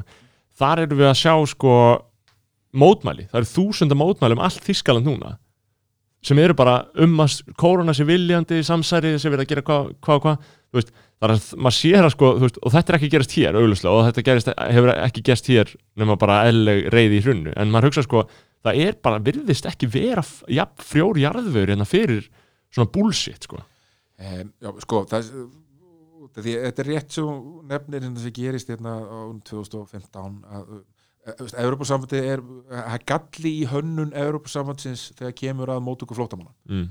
Eh, og hann er mjög augljós. Þetta er að Evropasambandið er auðvitað eitt vest, mesta velmeguna svæði í heimi. Það er eðlilegt að hinga vilji koma fólk í leita að betri lífskjörn Mm uh, og á, á samarskapi og það er eðlilegt að það streymi mikið af fólki í, til bandarækjana uh, vandamáli sem sagt, við að Evropasambandið eru auðvitað sko, með ytri landamæri. Uh, þótt að það sé ekki landamæri innan þess eða voru ekki fyrir COVID mm Mhm. svo spruttuðu mm skyndilega upp Já, það sem var ómögulegt. akkurat. Uh, en þeir eru með ytri landamæri og það sem mesta neyðin er í heimi og mest í flóttamannaströymunu, það sem er stríð og, og, og vond ástand er annars vegar í já, svona, frá Norður Afríku og frá miðusturlund Mhm. og ströymunu þaðan, landleið, sjóleið þegar þú ótt að koma til Európa, hann enda bara á tveimur stöðum, hann endar í Gríklandi og hann endar á Ítalíu. Þannig að það eru fyrstu löndi sem þú lendir á þegar þú ótt að koma frá þessum sveðum Þetta er landfræðilegt. Og þá og Európa-samandi virka þannig að þú þarft að sækja um hæli í því landi sem þú lendir. Og þegar lenda allir í sömu löndunum þá auðvitað skapast svo staða að þau eru allt í einu orðin eitthvað svona móttökuríki fyrir flóttamenn fyrir Európa-samandi og flóttamanna vandi þeirra og utanumhald og kostnaður og allir þeir erfileikar að það er flókið og erfitt hlutverk að taka á móti sko, gríðarlega stórum hópi fólks sem oft á tíðum á við mikla sko, áfallasögu að stríða og, hérna, og er með sko ægir saman alls konar menningarheimum og svo leiðis að taka það inn og reyna aðalega það samfélaginu. Og fyrir utan það að Greikland og Ítali eru tvö af þeir ríkjum sem fór einna vest úr kreppunni 2008-2009 sko. þannig að þau eru illa stödd fjárhagslega líka til þess að takast á við þetta. Og það sem gerðist 2015 er það að Greikir einfalds svo bara herðu við getum þetta og þeir bara opnuðu og staðin fyrir að taka fólkið inn til sín Einmitt. og, og sagt, afgreða þar eins og þau átt að gera Já. uh, inn í landi og þau þá þurfa að sækja um hæli í Greiklandi þá bara sögðu þau bara "Heyrðu, við sjáum okkur ekki, lappið í gegn Já. og þá fór fólk að flæða inn í Evrópu og þá tók merkir þá okkurun því skal langt sterkasta ríki í Evrópusamöndinu ríkasta ríkið að taka við feikilum fjölda Einmitt. og svíjar gerðu það líka tóku við hlutvarslega stórum fjölda og það voru nokkur ríki sem gerðu þetta og þar í þeim ríkjum hefur þetta verið vatn á millu uh, svona öfgaabla og, populista svona, svona, svona IKEA pastelútgáfana í Svíþjóð hérna Já, já.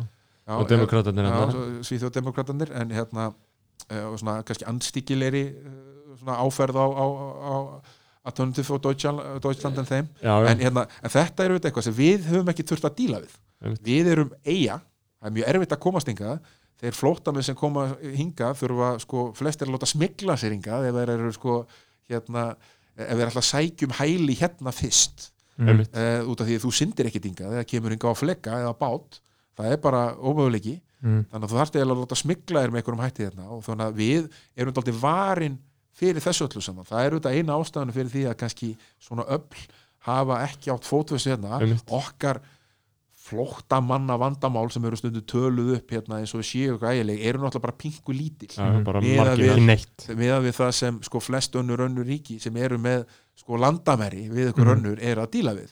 Uh, að hérna, og, og, og megin þorri af erlendu ríkisborgur sem hefur fjölga gríðarlega hérna þess að við talaðum á hann á Íslandi er fólk sem er að koma hérna til þess að vinna Einmitt. uh, og er að koma hérna frá öðrum löndum eða ég meina langstæstu liti pólverjar. Uh, langstæsti hópurinn hérna. Og fólk sem veist, við, þörnumst þetta er bara þetta er, þetta er svona win-win samband sem er hérna í gangi sko. Mhm. uh, og hérna þau, þau koma hérna sem fá betri kjör og þetta mikið lífskeið að bú á Íslandi friðsælt land, lítið að glæpum hár lífstandard, góð þjónustustig fallin náttúra, skýta veður. En hérna, þú veist, díla við það uh, og hérna og við fáum á móti vinnuafl sem við þurfum og þetta, sko, alls konar bónusa með skilur sem við sjáum í uh, fjölþættari veitingastöðum og hérna, og bara það að við svona, hérna, fáum svona aðeins annað bragð í, hérna, í genalögin okkar sem er svona aðeins og vimbrít já. fyrirfram, sko. Jú, ég held að sjá hérna, hressilega bara og hérna, þannig að þú veist þetta, okkar staða í þessum málum er allt öðruvísi en er í þessum ríkju sem hafa þurft að taka á móti alveg feikilegu magni af flóttamönnum sem uh, komu mjög, mjög mismunandi áttum og eiga við mismunandi sko, vandamál og þetta inn. að stríða sko. Já, við, við erum ekki þarna sko. og það er um þetta að benda á fullt af einhverjum dæmum og spenna ykkur af því en ef við ættum að heimfæra þetta hald, haldið þetta muni aldrei þú veist eins og bara vinsaldir Sigmundur Davíðs og flokk, flokk fólksins, Ingu Sæland allar þeirra uh, er þetta úr svipari átt bara ekki jafn, bara aðeins vægara eða hvað? Sko, það, það hefur auðvitað menn hafa hrært í þessum pottum Einmitt, svona Og- aðeins Já, og það hefur, verið, líka verið innan meginstjörnusflokka, menn hefur verið svona ángar til dæmis innan sjálfstæðisflokksins sko. mm. -hmm. Smundur Friðriksson til dæmis hefur verið duglegur að hræri í þessum pottum uh, og þetta, það, það sem þetta raunlega, uh, það sem gerist þá er það eru setta fram staðhæfingar sem eiga singar rætur það er að segja um eitthvað vandamál sem er ekki eins og viðkomandi er að lýsa því.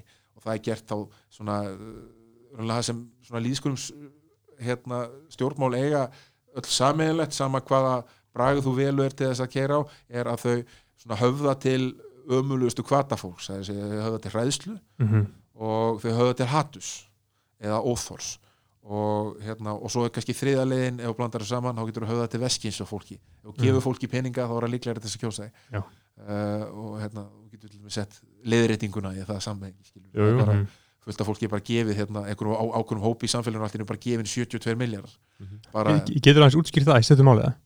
já, um, leiðréttingin er hérna, það er svo gott að hafa það, maður getur flettu Já. þetta. Er er, er, er hérna pólitísk aðgerð sem var uh, helsta uh, svona kostninga og stjórnmálamál Sigmundar Davís þegar hann var formaður framsnóflokksins uh, og snýrist um það að raunverulega uh, borga skadabætur til þeirra sem voru með verð til lána árunum 2008 og 2009 Mm. þá, hérna, eins og við fórum hérna yfir í byrjun þá Já. var þetta bara þegar hrunnu kom þá hérna, kom ekki verðbólga og lánmargra hækkuð Mm. uh, og uh, hann vildi þess að bæta þessu fólki þennan skada bara, og skilir var bara þú ættir að með verðtill lán 2008-2009 og hún var síðan framkvæmt, hún er framkvæmt þannig að það er teknisk 72 miljardar úr ríkisjóði og þeir eru greittir til þarna þessa hóps fólks. Bara bókstælega millifæsla Já, bara þú veist, þú bara færð upp að ykkur ákveðinu upp að þú veist, það var ekki þakka á því okkur en bara marga miljónir inn á alls konar fólk. Og uh, svo er þetta greint þú veist, hverjir fá þetta? Og þá kemur meðal hans í ljós sko að þetta fullt af fólki sem hafa með verðtir lán sem eru bara sko miljónumæringar einmitt Mhm. og þeir eru að fá millifært yfir sig og, og það kemur ljós að þórin á þessu peningum fer til þeirra sem sko, voru sko, mest skuldsettir og það er venilega fólki með mestu tekjurnar mm. því að því meiri tekjur séu með því hærra kreditskór ertu með sko, getur Ég sá einhvern maður hjá mitt Viljómi Þorstensinni eða eitthvað slúður, hann var með einhverju útreikning á þetta og, margir aðrir sem hafa fellað um þetta að þetta hafi bara farið til mjög bara svona efri hluta þjófélagsins það er, engin, séð. það er búið að greina þetta, þetta tölur liggja bara fyrir. Eh, þetta fór að stórum hluta stór hluta upphæðinni fór til fólks með háatekjur og sem á mikla regnir já, og uh, bara samandreið ekki til fólks sem þurfti á stuðningi ríkis að halda. Þetta var gjöf til fólks sem þurfti ekki á þessu sértaka stuðningi ríkis að halda það sem er alvarlegt við þetta er kannski tvent í fyrsta lagi að flest þetta fólk var búið að fá tapið sem það fekk út af þessu verðbólskoti tilbaka vegna að hér tvöfaldæðist húsnæðisverð á örfáum árum þannig, að- og verðbólka var lág á þeim tíma þannig að, þú veist, jó, ok, kannski á einhverju tímpunkti árið 2009 þá var uh, eignin í húsinu neikvæð en tíu ára setna var hún blúsandi jákvæð sko. þú gæst selt hana og tekið út alveg myndalegan hagna Einmitt. Mhm. Eh, þannig að fólki var búin að fá tapið sitt tilbaka de facto Mhm. en uh, hinn alvarlega ángin er það að þetta hafi mjög neikvæð áhrif á þann hóp sem var í mestu vandræðum á húsnæðismarkaði vegna þess, þegar þú gefur fólki sem á fullta pening eða á pening meiri pening, hvað gerir það? Jú, það eyðir þeim peningum kaupir sér stærra hús hvað gerist þá? Jú, þá hækkar húsnæðisveð, það er meiri eftirspurn hvað gerist þá? Það er erfiðara fyrir þá sem eru með minnstu tekjunar að komast inn á húsnæðismarkað það er lengist bilið frá þeim í það að geta eignast húsnæði og það hækkar leigan á húsnæðinu sem það getur keft sér þannig að þetta er einn af þáttunum sem veldu því að viðkomustu hóparnir á markaði ungt fólk sem er að koma sér áfram í lífinu og láttekju hópar, einstæðingar þeir lendi meiri vandræðum þannig að þetta er bæði fyrir mér hefur alltaf verið sjokkerandi aðgerð að gefa ríku fólki pening Einmitt. út af ykkur svona, ykkur skadabætur fyrir eitthvað sem allir verða fyrir, sko, verðbólga hefur áhrif á allt samfélagi Mhm. Og velja út einhvern hóp og gera það svona og hins vegar vegna þess að þetta gerði stöðu viðkvæmur að hópa verri Einmitt. þannig að hérna, fyrir mér er þetta ein afleitasta stjórnmála ákvörðun sem nokkuð um hefur verið tekin en hún er mjög hérna, hún er mjög góð svona uh, Gott kosningamál. já, hún er alltaf frábært kostningamál og virkaði mjög vel, ég meina, þetta er bara rætt á þeirra Mhm. 2013 já, uh, kjósið mig og ég ætla að gefa ykkur peninga. Ge- og, og, og hann gerir þetta ef maður horfður á þetta kalt sem bara áhuga mér stjórn, hann gerir þetta frábælega já, já, hann bara uh, gjössalega rúlaði þessu upp sko. og fekk bara bestu kostningar sem frá svona flokkunum fengið Einmitt. og hérna allavega minnst eitthvað sendíma og þetta er mjög svona klassíst og gott líðskurumsmál sko. já, já. þetta er bara líðskurum í sinni tærustu mynd og þetta óttasmaður að gæti auðvitað gerst Já, ef já. að það eru kostningar á næsta ári hvernig sem fer, hvort sem það eru á voru og hausti þá eftir að koma í ljós en það er verða og uh, maður óttast að mögulega mögulega, ef þetta ílengist að þá geti skapast aðstæður fyrir uh, hæfileika ríka liðskurumara að nýta sér aðstæður og hérna og komast til valda á svona grugum Mhm. fórsendum og hérna og það er ekki sín sem mér hugnast þannig að ég held að það sé ekki það sem við þurfum við þurfum langtíma sín eins og við vorum Mhm. að tala um hérna lengi En þú veist, þú náttúrulega núna ert rittstjóri þessa miðil sem náttúrulega um, já, er bara hluti af flórunni. Eh, hvað, ég menna, hvernig hugsaðu þú það? Því ég er ofta að hugsa með mitt, bara hvaða rödd er í leiðurum eh, fjölmiðla, bara hvað, hvað, hvað gera fjölmiðla, hvað, af hverju ætti leiðari fjölmiðils að vera ein rödd? Eh, þú veist, hvað hverju viltu koma til leiðar, ég meina eh, ert þú, lei, ert þú hluti af stjórnmálunum? Uh, hefur það áhrif að það sem þú segir? Er, er þú veist, áns að þú þurfur að meta það, ég meina en, en hvernig lítur þú á þig sem leiðarhöfund einstumins bara að þú hefur greinilega auglastlega álít á hverju eina. Eh, já, sko ég ætla þá bara kannski að fá að spóla eins bara tilbaka þess að við vorum á þann hérna, út af því við vorum að ræða svona kjarnan sem konsept. Já, já, þá og, og hérna og við séum skal ég koma bara að þessum kannski punkti, þú veist, mm. það grunnhugmyndin á baku okkur er ekki hérna út í ég var að tala um hérna app magasín og svona uh, grunnhugmyndin var ekki tæknileg, hún var hugmyndafræðileg Mhm. þess að við vildum búa til fjölmiðil sem færi á dýftina uh, en væri líka og óhrættur að, að hafa, svona, hafa grundvallaður í ákveðinni skoðun uh, og svo skoðun er ekki flokkspolítísk en hún er auðvitað í eðlísinu pólitísk eins og alla skoðanir og þjóðfélagsmálum er svo grundvallar skoðun hún er uh, byggð á að við teljum svona við teljum að það sé Íslandi hægfældast að vera hluti af alþjóðsamfélagi. Við teljum að það sé Íslandi hægfældast að vera frjálslind og opið og gagsett ríki. Eh, við teljum að hérna eh, að þetta séu svona þær grunnfórsendur fyrir að þetta þjóðfélag geti gengið sem best. Og þetta er ein miðluna leiðin fyrir þessa hugmyndafræði sem er að baki eh, okkar konsepti eh, það er að miðla því gennum leiðarskif og leiðar á hópurinn okkar í gegnum tíðina hefur verið þetta dálítið svona eh, já, fólk sem er staðsett svona á, tiltölulega svipuðum stað eh, varðandi þessa hluti. Alveg og leiðar á hópurinn til dæmis á morgunblæðinu er, er staðsettur á tiltölulega svipuðum stað. Þar er talað veist, mjög svona hérna uh, og hefur alltaf verið gert sko, svona dálítið einni röddu. Skoðun blaðsins út í hann er alltaf er naflaus jú. þar. En þú veist, og skoðun blaðsins er hérna, hún fer ekki um milli mála hver sá taktur er á hverjum tíma. Uh, svo eru aðrir byrtingavætt okkar eins og til dæmis þetta eru á fréttablaðinu, það er þetta miklu opnara.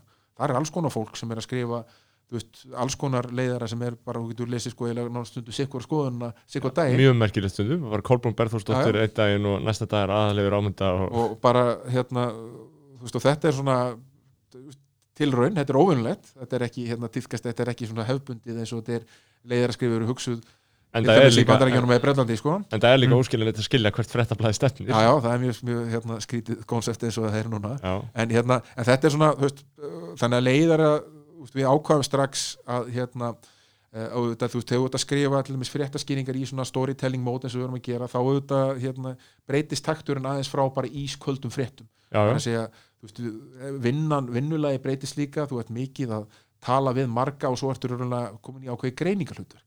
Þú ert að reyna sagt, að púsla saman einhverju heildamind og þú verður sjálfur greinandin og það er það kannski svona, sem er grunnunni þeirri blaðamennsku sem við erum að reyna að stunda og hérna og teljum okkur vera bara komnir svona, þú veist, bara búin að hóna ágætlega núna eftir öll þessi ár að það er raunverulega að vera svona analytikal á stöðuna uh, og það er tiltölulega nýtt á þessum tíma í, hérna, í Íslandi.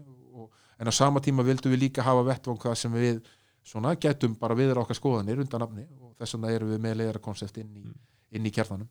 Uh, en uh, sko það sem gerir síðan er bara út af því að við tökum þráðan sem við vorum á hann og, hérna, og við bara erum að gefa út app-magasín og erum ekki græðan eina peninga. Æmi. þetta er bara frýtt veist, og hérna og, Þau gefur þetta var frýtt Já. og, hérna, og við ætlum að vera ekkert auðlýsingatekjum og þetta bara gekk ekki upp. Það er bara þannig. Já, já, og ég talaði um held ég byrjaði að segja hérna, þegar komið á hann að maður, hérna, ef maður ætlar að endast í þessu þá verður maður að geta feysað mistökin. Við Mhm. geta að gert þau. Og hérna og hafa einhvern veginn svona ja, næ, nægilega bara nægilega styrk til þess að beigja þó í aðra átt. Mhm. það er það sem við gerðum 2014 þá raunverulega settum við bara mjög heiðarlega niður, horfðum á hvað er að virka í þessu koncepti hvað er ekki að virka brandið er að virka hugmyndafræðin á bakvið þetta er að virka það er eftirspurt eftir efninu miðlunlegin er ekki að virka það er bara þannig við, erum ekki, við getum ekki þessu. Hvað verður búin að geta lengi þá? þá vorum við búin að gera þetta í rúmt ár Mm. og launa lítið eða launa lust Mm. sem er fjölskyldumenn þetta var hérna Já, þetta, er, þetta er hérna þetta er, þetta er mikill skóli að fara Mhm. í gegnum þetta sko er þetta ekki viðbjöður það? Jú, en maður lærir líka ofsalega mikið af þessu Já, að hérna, maður lærir alveg hérna að uh, aðlögunahefnin hjá manni eru þetta alveg feikileg og svo Mhm. þetta bara býr maður í góða maka sko. já, er að, það hérna að hafa veist, maka sem eru tilbúinir að styðja við eitthvað svona á meðan þetta er að ná löpum það eru þetta hérna það er frum skiliði Já. fyrir að gangi upp því að þú Mhm. veist að það er ykkur að borga reikningan á meðan.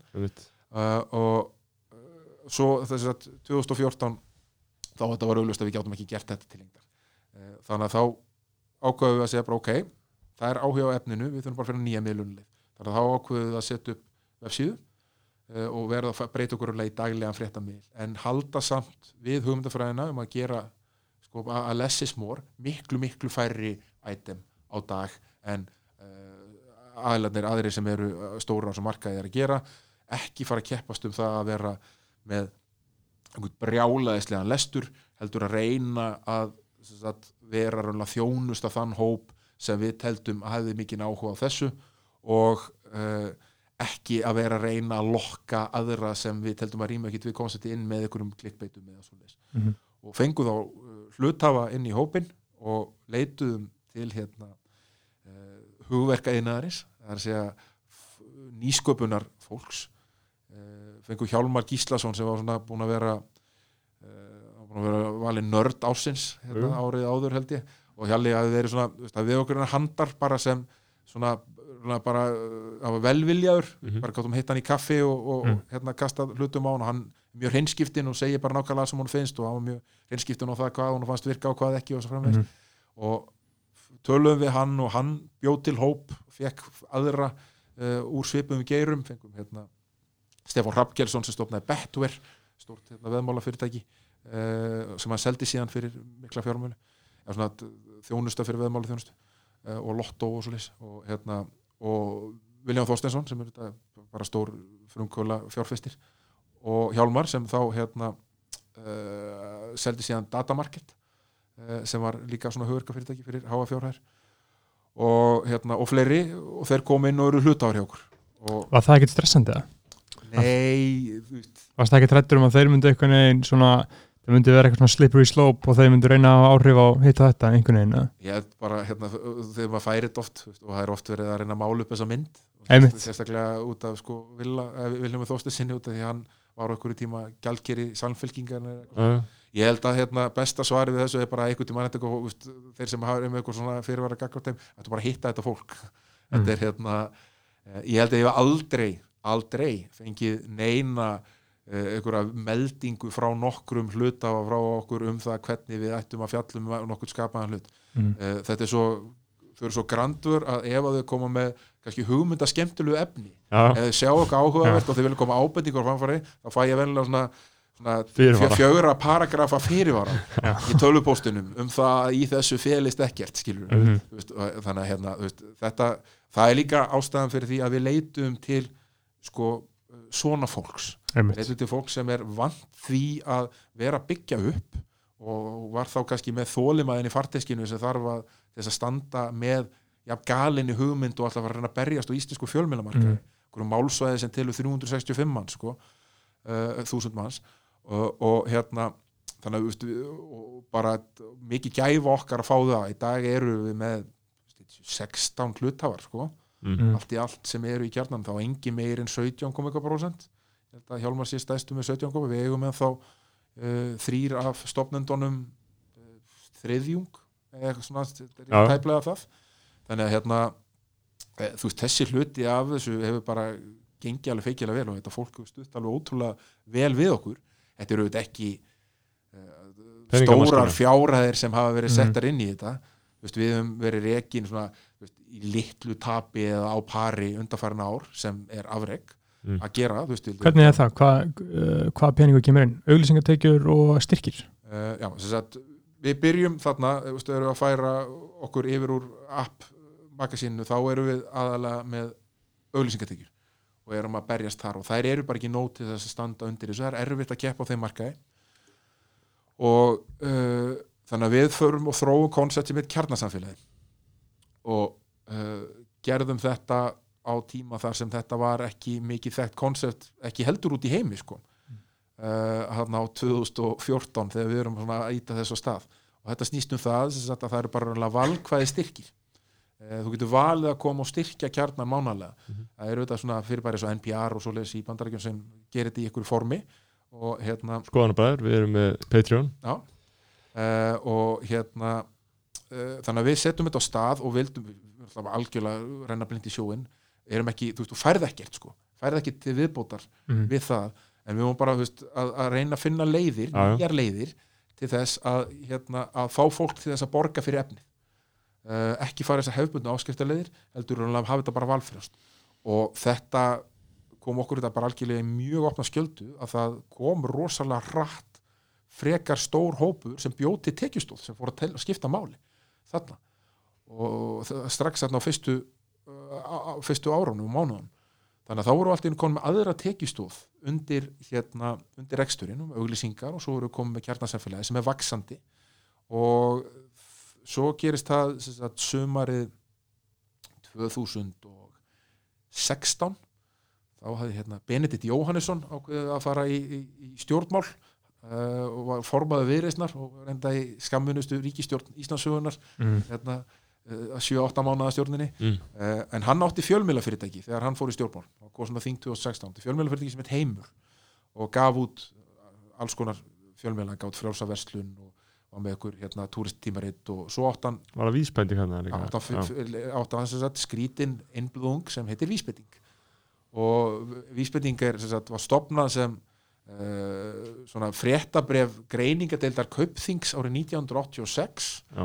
og uh, svo var búið að fara í gegnum eitthvað og hann var búin að eiga þetta í nokkur ár og þetta er svona, svona high-end uh, umfjöllunum efnaðasmál og viðskipti kemur út einu sinni í viku og Benedikt vildi, þurfti og bara tók rétt ákvörun hann fannst ekki passa að stjórnmálamaður eh, sem væri formaður stjórnmálaflokks ætti fjölmjölafyrirtæki þar væri bara ekki í samlega þannig að hann ákvað að selja þessar einingar og við kiftum vísbyttingu rýmaði vel við okkar tón við erum auðvitað með aðláðaslur á umfjöllunum stjórnmál, efnaðasmál og viðskipti.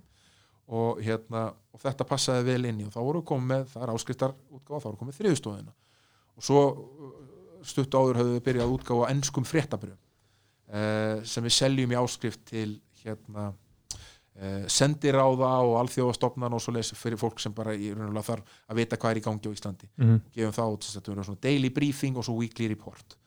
Uh, og þá eru komið að þessar fjóra stóðir eru undir reksturum hjá okkur. Það eru auglýsingatekjur, það er kjarnasamfélagið það er vísbending sem er áskriftaþjónusta og svo hérna eru við með sko fréttabærin um skeið uh, 2018-19 þá voru við með eina stóði viðbót sem voru samstarf við aðra fjölmjöla þá var ég með sjónvarsþætti á sjónvarstöfunni Ringbraut og við vorum í samstarfi við mannlíf við sem sagt settum efni inn í fríblæði mannlíf þeim lauk þeim samstarfsamningum í fyrra báðum og við höfum ákveðið að vera ekki meira þar Mm. mm. Þetta bara virkaði fínt fyrir okkur meðan þetta gekk en hérna, þetta er ekki svona stóð sem við viljum þróa til framtíðar. Hvernig er svona daglegi, ert þú, þú ert í vinnu á hverju degi, ert þú að skrifa 8 tíma dag, 12 tíma dag, hvernig er vaktir, og eru vaktir eða, uh, Við erum auðvitað bara með annan takt en hérna, til dæmis MBL og Vísir og þessi stæstu gerum miklu minna af efnum. Mm, við vinnum þetta eftir dagskrá við erum með svona first slot sem við stillum efni inn í og við reynum að vera alltaf að velta efnum sem við erum búin að leggja meira í framfyrir okkur. Já, þannig að við séum alltaf að það, er, það er svona slow cooking meals alltaf sem við erum eh, við viljum vera tilbúin með í staðan fyrir við séum alltaf reactionary sem við erum ekki, við erum ekki alltaf að bregðast við heldur erum við að, sagt, að reyna að setja þá mál á dagskrá. Og, og eh, taktu við vinnum öll bara dagvinnu. Það hefur alltaf verið þannig, það er ekki vaktavinna uh, við hérna erum bara dagvinnu tíminn er svona sveigalegur eftir því sem hendar fólki. Við erum, fólk getur unni heima eða að vera á skrifstofunni uh, ef það vill. Hvað er margir starfsmenn? við erum sjö núna, við erum hvað? Þetta er að telja það er tveir, þrír, fjórir, fimm sex. Já, ég myndi segja svona, ég myndi segja svona sjö stöðugildi Allir með sína sérhæðingu það? Já, við erum með að uh, reitstjóra vísbyttingar Jónas Alla, við erum með hérna, frangatastjóra fyrirtækisins Eirún Magnúsdóttir. Ég er reitstjóri og við erum að skrifa bara er starfandi blaðamaður líka. Og svo erum við með þrjá uh, inni á, hérna, aðra inni á reitstjórn núna. Eirún auðvitað sti- sinnir fullt af reitstjórnarverkefnum uh, það er það að vera frangatastjóri í litlu fjölmiðlafyrirtæki er bara Mhm. þú þarfst að vera ninja sko og þetta er Já. hérna, að kunna alls konar rugl og, hérna, Mm. og, og ganga í öll verk og eru hinn þrjú þá Bára, Sunn, nei, aðna, já, Sunna Bára, og Sunna og Arnar, Arnar, og já, svo erum við að taka inn bara kemur starfsmæður hjá okkur í sumar og svo kemur annar eh, bætu við stöðugildi í haust Mm. við erum komin þess að þann stað núna við getum bætt við stöðugildi á reisstjórn í haust og þá erum við með stærstu reisstjórn sem við noktum að vera með sko. og svo Mhm. erum við með nokkra uh, utanakomandi sem er verktaka sem vinna fyrir okkur já, uh, föstu verkefni reglulega Borg, Þór og félaga Borgþór og Auði Jónsdóttur Mm. og fleiri þannig að hérna uh, í þetta hefur þetta bara konsept þróast Já. í gegnum þennan tíma fjárfestingin á þessum það er oft mikið látum þetta þegar fólk er að, að að koma að höggja okkur að hann séu ykkur hérna, ykkur ægilegir peningamenn sem eru búin að vera að halda þessu á floti í veist, ég held að helda fjárfestingin í kjarnan á sjö árum með uh, með hérna sparifíðun okkar sem við brendum upp til að byrja með uh, sé kannski undir 60 miljónum. Mm. þetta er ekkert á við síðustu tvö ár hjá uh, Björka Þór Björka Þór Nei, og það er, uh, er ágætt stæmi til þess að, að setja í samengi við Mhm. að frá því að hérna, frjáls fjölmiðlun gifti DFF í september 2017 og út árið 2018 uh, ja, fram árið 2019 þá hérna brendi hann 745 miljónum í það batteri Sjö- 745 745 miljónum úr Vasa Björgulsdórs Já, það er komið í ljós að það var úr Vasa Björgús Tórs uh, hann brennir þetta í DFF Þetta er bara staðan og þetta er auðvitað ég sannarlega bæði það brent útgáðun og, og hitt já. þetta er sannarlega ekki eini fjölmiðlinn á íslensku markaði það sem er verið að borga mjög með reksturum mjög háar fjárar, það er staðan hjá morgunblæðinu og hefur verið í tíu ár. Mm. sé líklega komið nála þremu miljurum þar með árunni fyrra. Uh, þeirra miljurum frá frá, upphæði frá 2009 frá því að ég geta hópur sem á morgunblæði núna en, en, en Tork og Fréttablaðið?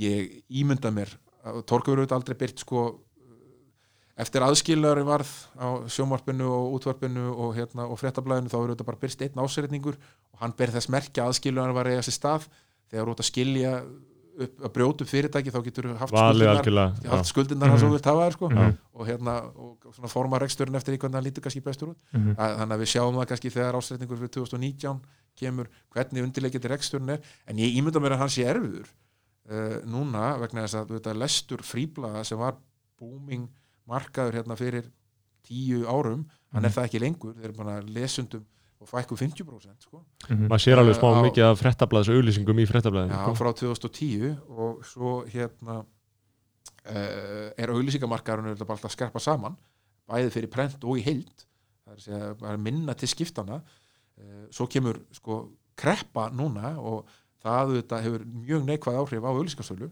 Mm. sérstaklega svona þessa stóru pósta sem stærstu auglýsendurnir sem er að taka mest af auglýsingafíðinu til sín treyst á mm. og uh, svo ertu þetta að prenta sko, pappirinn er innfluttur það er gengisfall þá er hann miklu dýrari sitt. Það er 20% niður krónan í ár það er 20% dýrari pappír Eh, þannig að þú veist, þetta er ekki eh, þetta er örgulega mjög erfiðu business Mhm. núna þessi business Mhm. og sjáum það auðvitað fréttablaði búið að fækka útgáðutöðunum sem við veit já, já.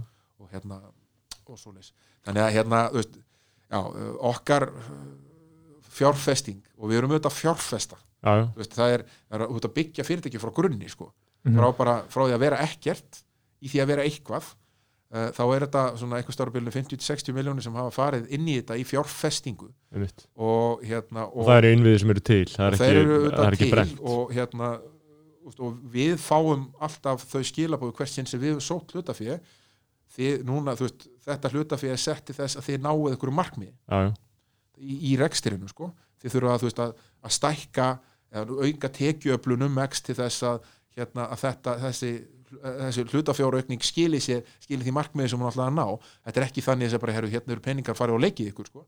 Mhm. A- aldrei verið þannig og, og þess vegna er gott að vera með svona fólk sem er vant í að starfa í svona frumkvöla og nýsköpunarheiminum sem er vant þessu, það er vant sjálft að vera undir þessari pressu þetta er jákvæð pressa, þú ætti að standa þig. Þú ætti að ná árangri. Og við erum núna uh, kannski ofinberast ágætlega í svona, svona ástandi eins og COVID kallar fram mjög skyndilega uh, bara á ágæti stað líklega, og líklega betri stað en flestir fjölmiðlar, við erum þetta lítil uh, og erum hérna með, með, með, uppistaðan í okkar kostnaði er bara launakostnaður. Bara húsalega og launakostnaður það er eitt sko, nánast þú veist, við heldum kift fyrsta sinn húsgögn bara á þessu ári mm.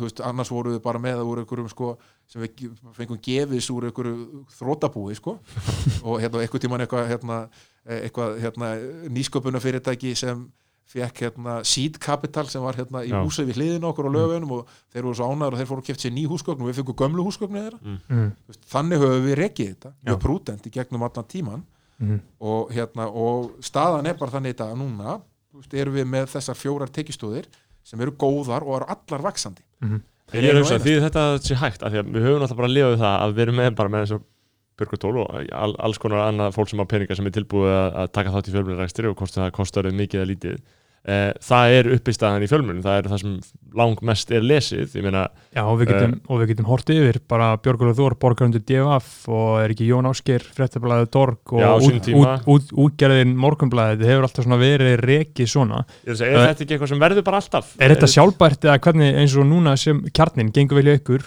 gengur vel á stundinni? Já, sko, þú veist, þetta er auðvitað við erum auðvitað yngri hérna, fjölmjölfyrirtæki við og stundin, þau byrja aðeins og eftir okkur Mm.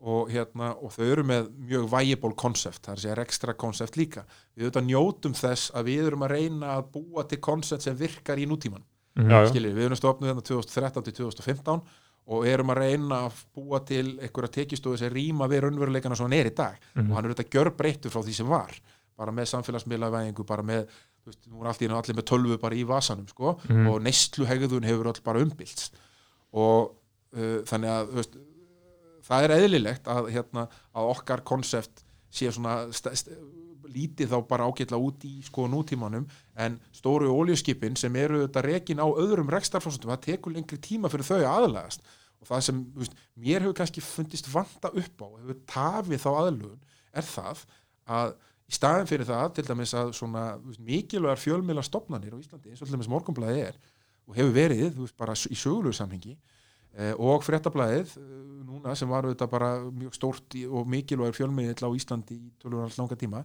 að eh, þeir fari á fullu í þessa aðlugun uh, og aðlagi reksturinn að eitthvað svona sjálfbærni. Það hefur ekki gerst í staðin hefur, hefur stó, stóri fjölmiðlar verið reknir hérna sérstaklega síðastlega áratug í alveg sko sturluðu tapi. Það er borgað með rekstrin uh, og það hefur auðvitað tvennar mjög neikvæðar afleggingar í fyrsta lagi auðvitað er það ekki mjög tröstveikjandi þegar fólk er tilbúið að borga svona miklar fjárhæðir uh, til þess að halda út í fjölmiðlum. Sérstaklega þegar veist, þeir hafa beinlýnis bara stundum gefið það út að það sé til þess að hafa ykkur ákveðin tök á umræðinni Mm. það var þannig þegar uh, útgerinn keifti morgunblæði ég vann þar sko, þá var þarna þegar hérna, þá er þetta, nú er þetta rittstjórar voru kynnti til leiks og þegar uh, Óskar Magnússon sem leiti þann hóp tók við sem útgefandi og allt þetta. Og, hérna, og þetta var ekki lendamál, það var bara mjög skýr stefna.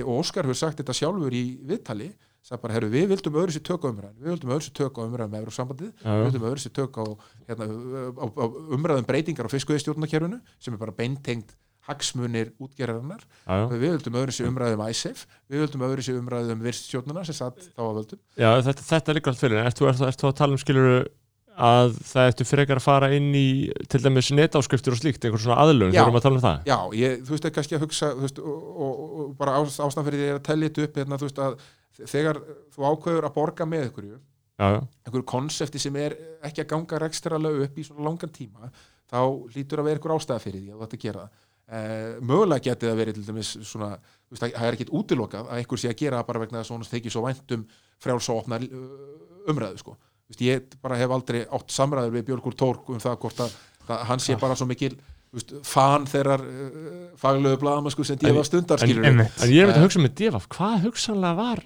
Ég, ég, þú veist, bara ég bara ég, Veit ekkur- bara get skilur þú akkur ég næ ekki hausnum alveg utan um þetta nei. Ég, eigin, þú veist. Það voru bara að skrifa tvær eða þrjár fréttir um Björgólf í ákvæðar já, þú veist, ég held að þetta snúist ekki um Þetta er þetta ekki eins og ég um held að það þetta snúist ekki um að Björgur Tóri hef alla menina starfsemi á Íslandi veist, þannig að veist, þetta er bara ég hann, hann, öll þessi hrunumræðum hann og hún er bara löngu búin þú veist, hann á hérna hluti í Nova sem er til dæla vinsælt fyrirtæki og Mhm. óumdelt hann er ekki neitt sérstaklega miklu öðru hérna á Íslandi hann er bara mjög ríkur maður á alþjóðavísu Mhm. og hérna það er svo styrlaðið mitt að bara, já, já, 800 millega þetta er náttúrulega bara eins og einhver 15 skall, skilur þú veist, eh, svona, sennilegasta skýringin geti verið svo að hérna, það verið svona gegnum gangandi einhver pissukeppni á milli hans og Robert Westman Já. Af hverju hatar hann Robert Westman svo mikið? Af hverju hatar það eitthvað annan? þeir hata hvort annan, þeir voru sagt, samstagsmenn í Actavis Actavis var uh, hérna fyrir hrun, þá var eitt af því sem, sem Björgól Tór gerði fyrir ódýru pinningana sem hann fekk í böngunum Mm. að hann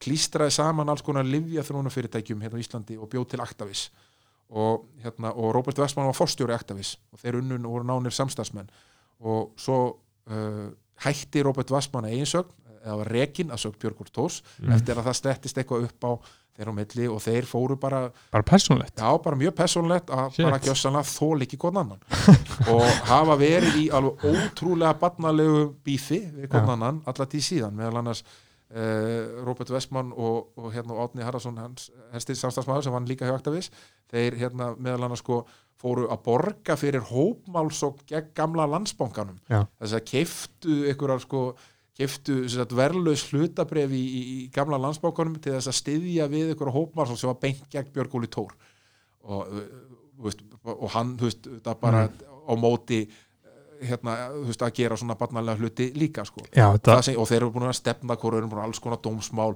það sem peningar eru undir og svona og svo að er það þannig að, að Robert Westman og þeir voru búin að vera að fjármagna eitthvað hluta þetta fjölmjöla veldi hans Björn Singar Hrapssonar sem hrundi þarna 2017 mm -hmm.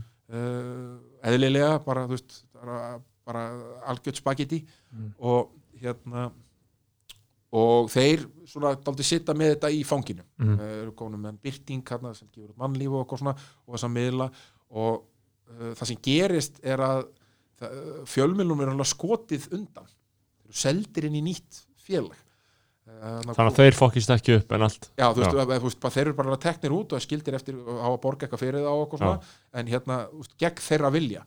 Og þá eru verið að skera Björningar úr einhverju snöru, hérna, skuldasnöru. Og hérna, en gera þeim skráfegu, segja, hérna, Roberti Vestmann og, og, og, því klani.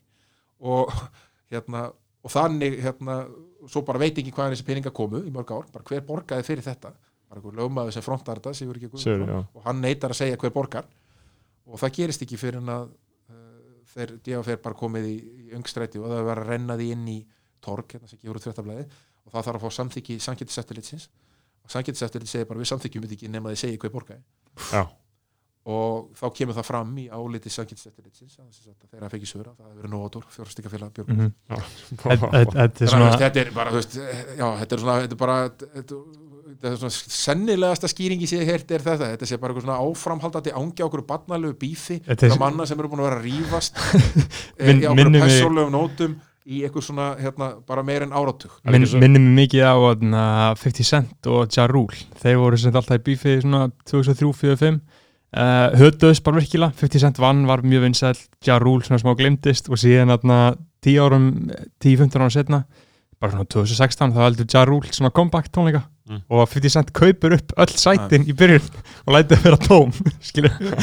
Bara 15, Æ, veist, 15 árum setna þetta er svona á svipuðu nótum en, en, auðvitað, og, þú veist, og þetta er auðvitað það er fyndið ef menn eru svona litli sko, skilur, þú veist að bara þú er að vera einhverju svona er, er En þetta það er ekki bara svo gott þegar En- sko forsendinnar eru þannig að þegar þú ert smá lítill þá er það 800 miljónir en, en þetta er líka alvarlegt vegna þess að hérna, fjölmiðl, fjölmiðlun er ekkit venjulegu rekstur. Þetta er, eð, þú veist, ef þú ert svona þú veist já, þú vilt bara vera svona dálítið dramatísku með henni þetta er bara líðræðislega mjög mikilvæg starfsemi. Mhm. er uh, sterkustu líðræðisríki, frjálsustu ríki heims eru með sterka fjölmila það er bara þannig.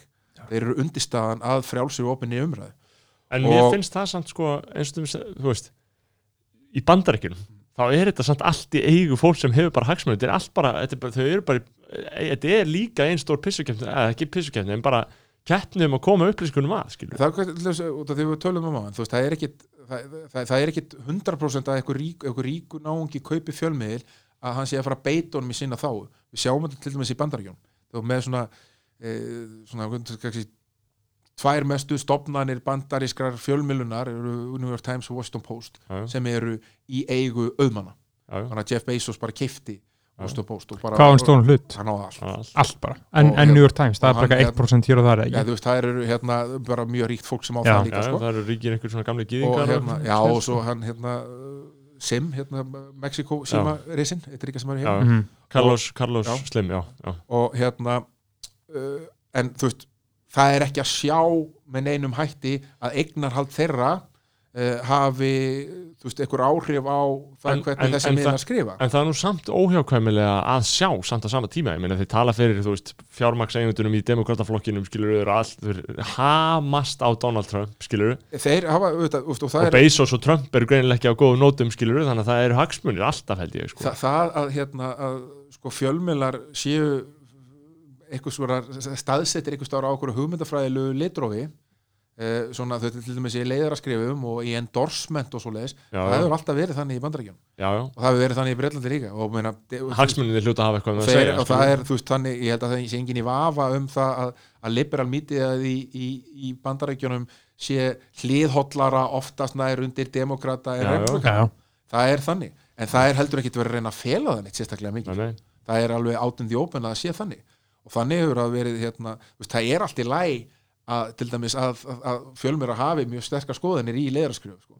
Það er bara, það er hluti af þessu og, og, og, og, það, og svo bara les fólk og, og, og lesendin sjálfur mynda sér sína afstuð þú veit að nálgast lesendan eins og hann sé hann sé sko gáfnavera ekki eins og hann sé fól. Mhm. og hérna uh, þú veist, en það, það sem er að segja, þú veist, sem er svona sérstætt á Íslandi að, og er alvarlegt við þetta er að þetta bjagar svo umhver, sangetisumhverfi og þetta, þetta gera það miklu erfiðara að koma upp sjálfbærni þegar ert að keppa við fullt af fyrirtækjum sem er ekki rekin á já, já, það er bara flókið já, já. og þú, sérstaklega þú ert bara við, bara veist, lítill og ekki með þú veist þennan sama peningalega slægkraft eins og þessir kúnar og erum að reyna að gera þetta á réttum fórsendum Mm. vakir fyrir okkur að búa til sjálfbæran rekstur í kringum það sem við erum að gera já, já. þá eh, finnst mér þetta það alvarlegasta að svona þessi skortur og aðlugun sem hefur átt sér stað og kannski skortur á áhuga eða skilningi hjá uh, hennu ofinbera um það að búa til almennilegt regluverk í kringum þetta uh, í svona langan tíma tíu ár, það hefur haft mjög neikvæð áhrif á starfsumhverfi fjölmjöla Mhm. uh, og það hefur haft þau áhrif að gæðin eru ekki jafn góð og mér fannst þau að mista kosti vera fyrir tíu árum heldir það er margt í þessu. Það er En- Einmitt, uh, kannski svona lok, lokum, svona loka spurning sem ég langaði bara til að vita. Uh, hvernig svona þú er náttúrulega að skrifa mikið af fréttum og átt, átt ör, mikið, mikið af fréttum um fólk sem vill ekki láta skrifa fréttir um sig og útskýrt hitt að þetta uh, hvernig er svona lapp út á götu? Er þetta einhvern mann stressaður að hitta einhvern eða þú veist, hefur reykt einhvern sérstaklega til reyðis eða hvernig hugsaður um það? Hugsaður um fólki sem þú skrifum sem alvöru fólk eða bara eitthvað sem þú þarft að koma frá þér og hugsaður um að þú sjálfur setja að skrifa þetta eða kjarnin sé að skrifa þetta? Þetta er, þetta er mjög góð spurning og það er uh, það er auðvitað sér íslenskt element að vera Einmitt. í krítískri blaðamennsku. uh, eða þú veist, það, er auðvís að gera það á Íslandi en að vera sko, í stærri heimi það sem það eru litlar eða enga líkur og rekist Al- á að að hann. fréttaðina út af götu. Ég auðvitað rekst stanslust á frétta mína uh, ég get sagt einasögu sem er þannig að því ég var að vinna á morgunblæðinu þá skrifum við fossíðu frétt um fórstjóra fyrirtæki sem var til rannsóknar. Rannsóknar hjá efnaðsbrotdeild ríkislöruglustjóra sem þá hétt og var fyrir hennar í 66 ég fór síðan í ræktina og settist á hlaupahjól og byrja að hjóla og hliðin á mér kom tíður fórstjóri hinum með við mig kom saksóknar í efnaðsbrotdeildar Já, og þarna voru við þrýr ég sem skrifaði fréttina um það að annar er var að rannsaka heim og hjóluðum í veist, klukkutíma. Veist, þetta er eitthvað sem veist, bara gerist mjög oft og þetta nála en þetta gerir þetta dálítið erfitt. Þú þarft að vera mjög meðvitað líka um all tengsl. Mhm. uh, fyrsta thought processi sem ég fer í gegnum alltaf þegar að koma upp mál sem ég sé alveg að verða veist, eh, verða erfið að ég hugsa, sko, ok er ég hæfur til þess að skrifa um þetta? Mhm. er eitthvað tengslarna sem gera það að verkum að hérna, það er eitthvað sem er mér tengdur eða geti varpað eitthvað svona eitthvað rýrð á trúveruleika sem ég myndi skrifa ef að ég, ef að ég geri þetta? Er betra að einhver annar myndi taka þetta verkefni? Vegna þess að hérna, uh, að við erum svo tengt sko. Ísland er svo mikið sama genalögin sko. og það, veist, þannig að það er mjög mikilvægt að fara í gegnum þetta skrif og svo bara jú, rétt, þú veist, þú veist, bara þessi tengst sem er á milli gera það að bóðulegin eru svo stuttar mm. nú bara flesti bara með GSM-númur hjá okkur öðrum sko. og hérna veist, og bara, það er ekki, það týðkast ekki í, á stærri svæðum að veist, maður ringi í, í, í farsíman hjá fósættisráðara eða slíkt eins og við gerum sko. uh, eða hérna þú veist, tala við fórstjóra stórs fyrirtækis bara með sama hætti Katrín hefur um komið hingað í hlaðarpið okkur Já, veist, bara, veist, og þannig að hérna e, þetta auðvitað líka gerir þetta svona dálítið flóknar og það, þú veist, auðvitað, þú veist, og þú ert ítrekkað að rekast á fólk. Mhm. Ég, auðvitað, þegar ég er að, veist, að taka svona, kannski að, að byrja að, búa mig til eitthvað svona feril í þessu, þá er það í kringum hrunið og eftir hrunið. Ofsalega erfitt tímabil og rosalega mikið af uppgjörum. Gríðalegu mokstur rannsóknir verið að opinbera ofbóðslega mikið af hlutum um alls konar fólk sem síðar er jafnvel dæmt í fangilsi og ég veit að skrifa bók líka eða bækur um þessa hluti. Það sem er verið að fjalla um fólk eh, og það sem það gerði. Og ég reyni alltaf að auðvitað líta á sko bara eh, fólk sem fólk og gera Mhm. mig grein fyrir því að, að hérna, að jafnvel sko gott fólk geti gert slæma hluti. Mhm. og að gera mig grein fyrir því að fólk og þeir sem er í kringu þá auðvitað, uh, eigi tilfinningalíf og, hérna, og verði fyrir afleggingum að því sem það gerir. En maður er að vega og meta alltaf eh, er þetta í þáu almanhagsmuna að opinbera þetta að skrifa um þessi mál uh, eða hérna ertu bara að gera um ykkur að skráðu og ef að síðan þetta er rétt þá áttu ekki að gera það. Þú áttu ekki að vera í því að skrifa fréttir bara til þess að koma að höggja okkar fólk. Mhm. það er galið. Og uh, það er ekki fórsenda fyrir þessu. Uh, en ef að þú ert í þessu heilundum og þið langar að gera eitthvað gagn og þið langar að vera hluti af lausninni og vera kritískur, benda á það sem rangt er að fara og, hérna, og opinbera það þá hérna, lendur bara í því og þú lendir oft í mjög erfiðum samskiptum það er óumflýjanlegt Hræðileg þessi samskipti. Ertu orðin vanur þessu eða? ég er kannski Leiðilegu símtölum? ég er kannski orðin uh, ég er kannski orðin kannski ofbrinjaður fyrir það, Mm. það, það getur alveg verið hérna, hætt, ég hugsa rosalega mikið um þetta eh, bara hérna uh, til þess að reyna Hugsaði aldrei sko að halda einhverju svona heilbriði í þessu vegna þess að veist, ég, þú kemur upp þegar þú er búin að fá 9000 símtöl frá einhverju sem er algjörlega brjálaður. Já, Eh, og veist, þá þarfst að fara í gagn- þú veist, þú ætti að búa til ákveði ferli. Og fyrsta sem ég hugsa alltaf er bara gerði ég mistök? Já, já, einmitt, það er alltaf er fyrsta. bara hérna uh, ef ég gerði mistök þá þarf ég að átta á því hver þau eru og ef, ef það er þannig þá þarf ég að gera mitt besta til þess að reyna að leiðra þetta og ég hef gert mistök. Bara, veist, það er bara þannig. Að gera allir mistök Mm. í þessum gera þú bara, þú veist, ég hef lesið rangt út úr ykkur ég hef hérna, skrifa fréttir eða minni ábyrg sem voru byggðar á raungum upplýsingum. Þú veist, þetta hefur gerst, þá bara ertu bara ok, nú verður bara að reyna að lámarka skaðan sem ollir. Það er bara þannig. Og hérna, en oftast nær blessunulega, þá þegar ég fer í gegnum þetta stig, þá kemst ég að þeirri svo nei, ég ger ekki mistök, þetta er rétt. Og ég, ég vann þetta rétt. Með þetta fakt checka, þetta er allt rétt. Það er ekki hægt að, hérna, að fetta neina fingur út í þetta og þegar þú ert komin yfir þann prósess þá bara, þú veist, segir bara, ok, það er veist, vandamál liggur hans megin. Ég reyn kannski að sinni skilninga hans er brjálaður Já. uh, vegna þess að þú veist, það er bara erfitt að vera í alls konar erfiðum aðstæðum.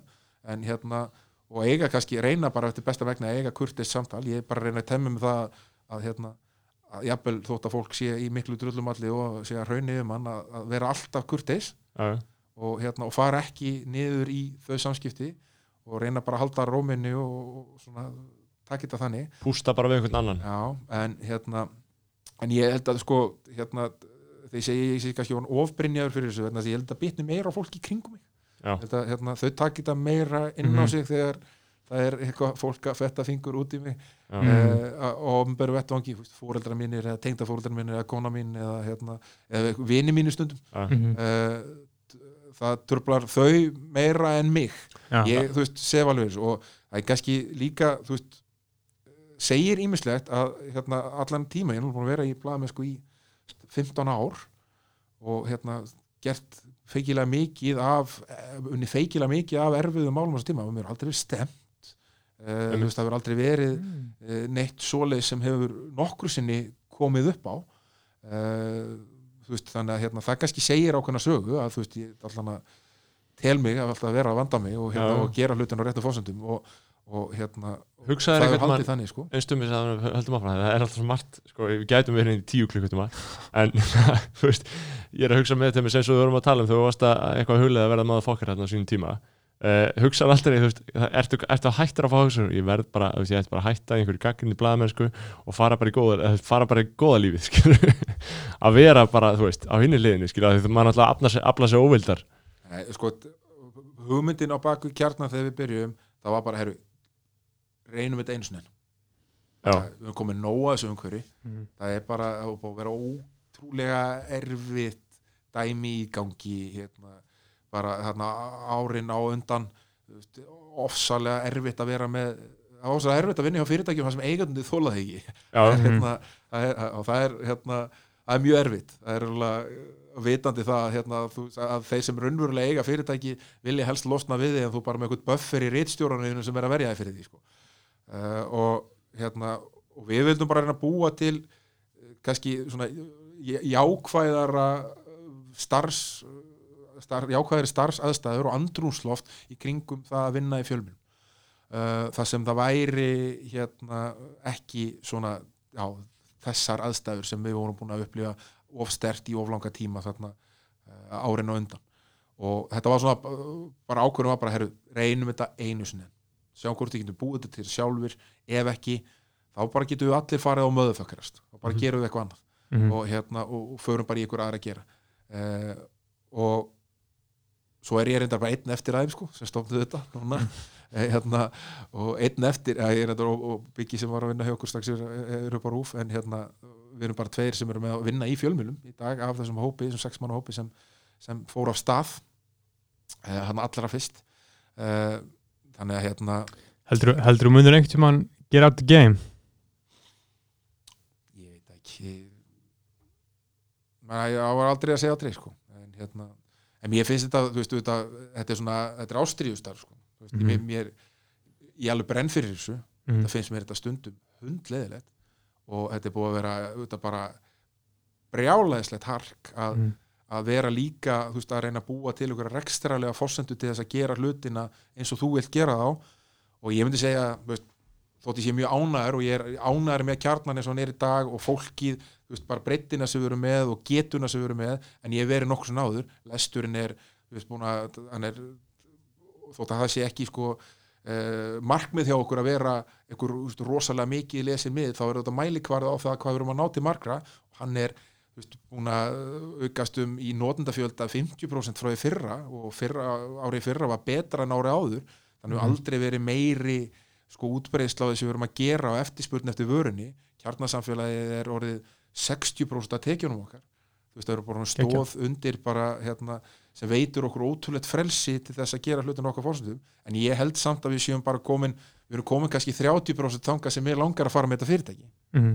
ég langar að fara með það miklu lengra og meðan við erum allan í þeirri vegferð veist, og meðan ég brenn fyrir þessu og meðan að skemmtilegu og góðu dagarnir eru miklu fleiri en þeir mjög leðilu sem Mhm. sannarlega koma Já. þá, hérna, þá sé ég mér fyrir, fyrir, sé ég mér fyrir í þessu í allan að fyrir sjánleiri framtíð Sérðu fyrir kjarnin bara eitthvað fjölmila veldi bara sjónvarp, myndband uh, útvarp, það er ekki, ekki markmið að verða kannski einhver, einhver alltum líkjandi fjölmjöla fyrirtæki það er bara kannski markmið að geta gert meira.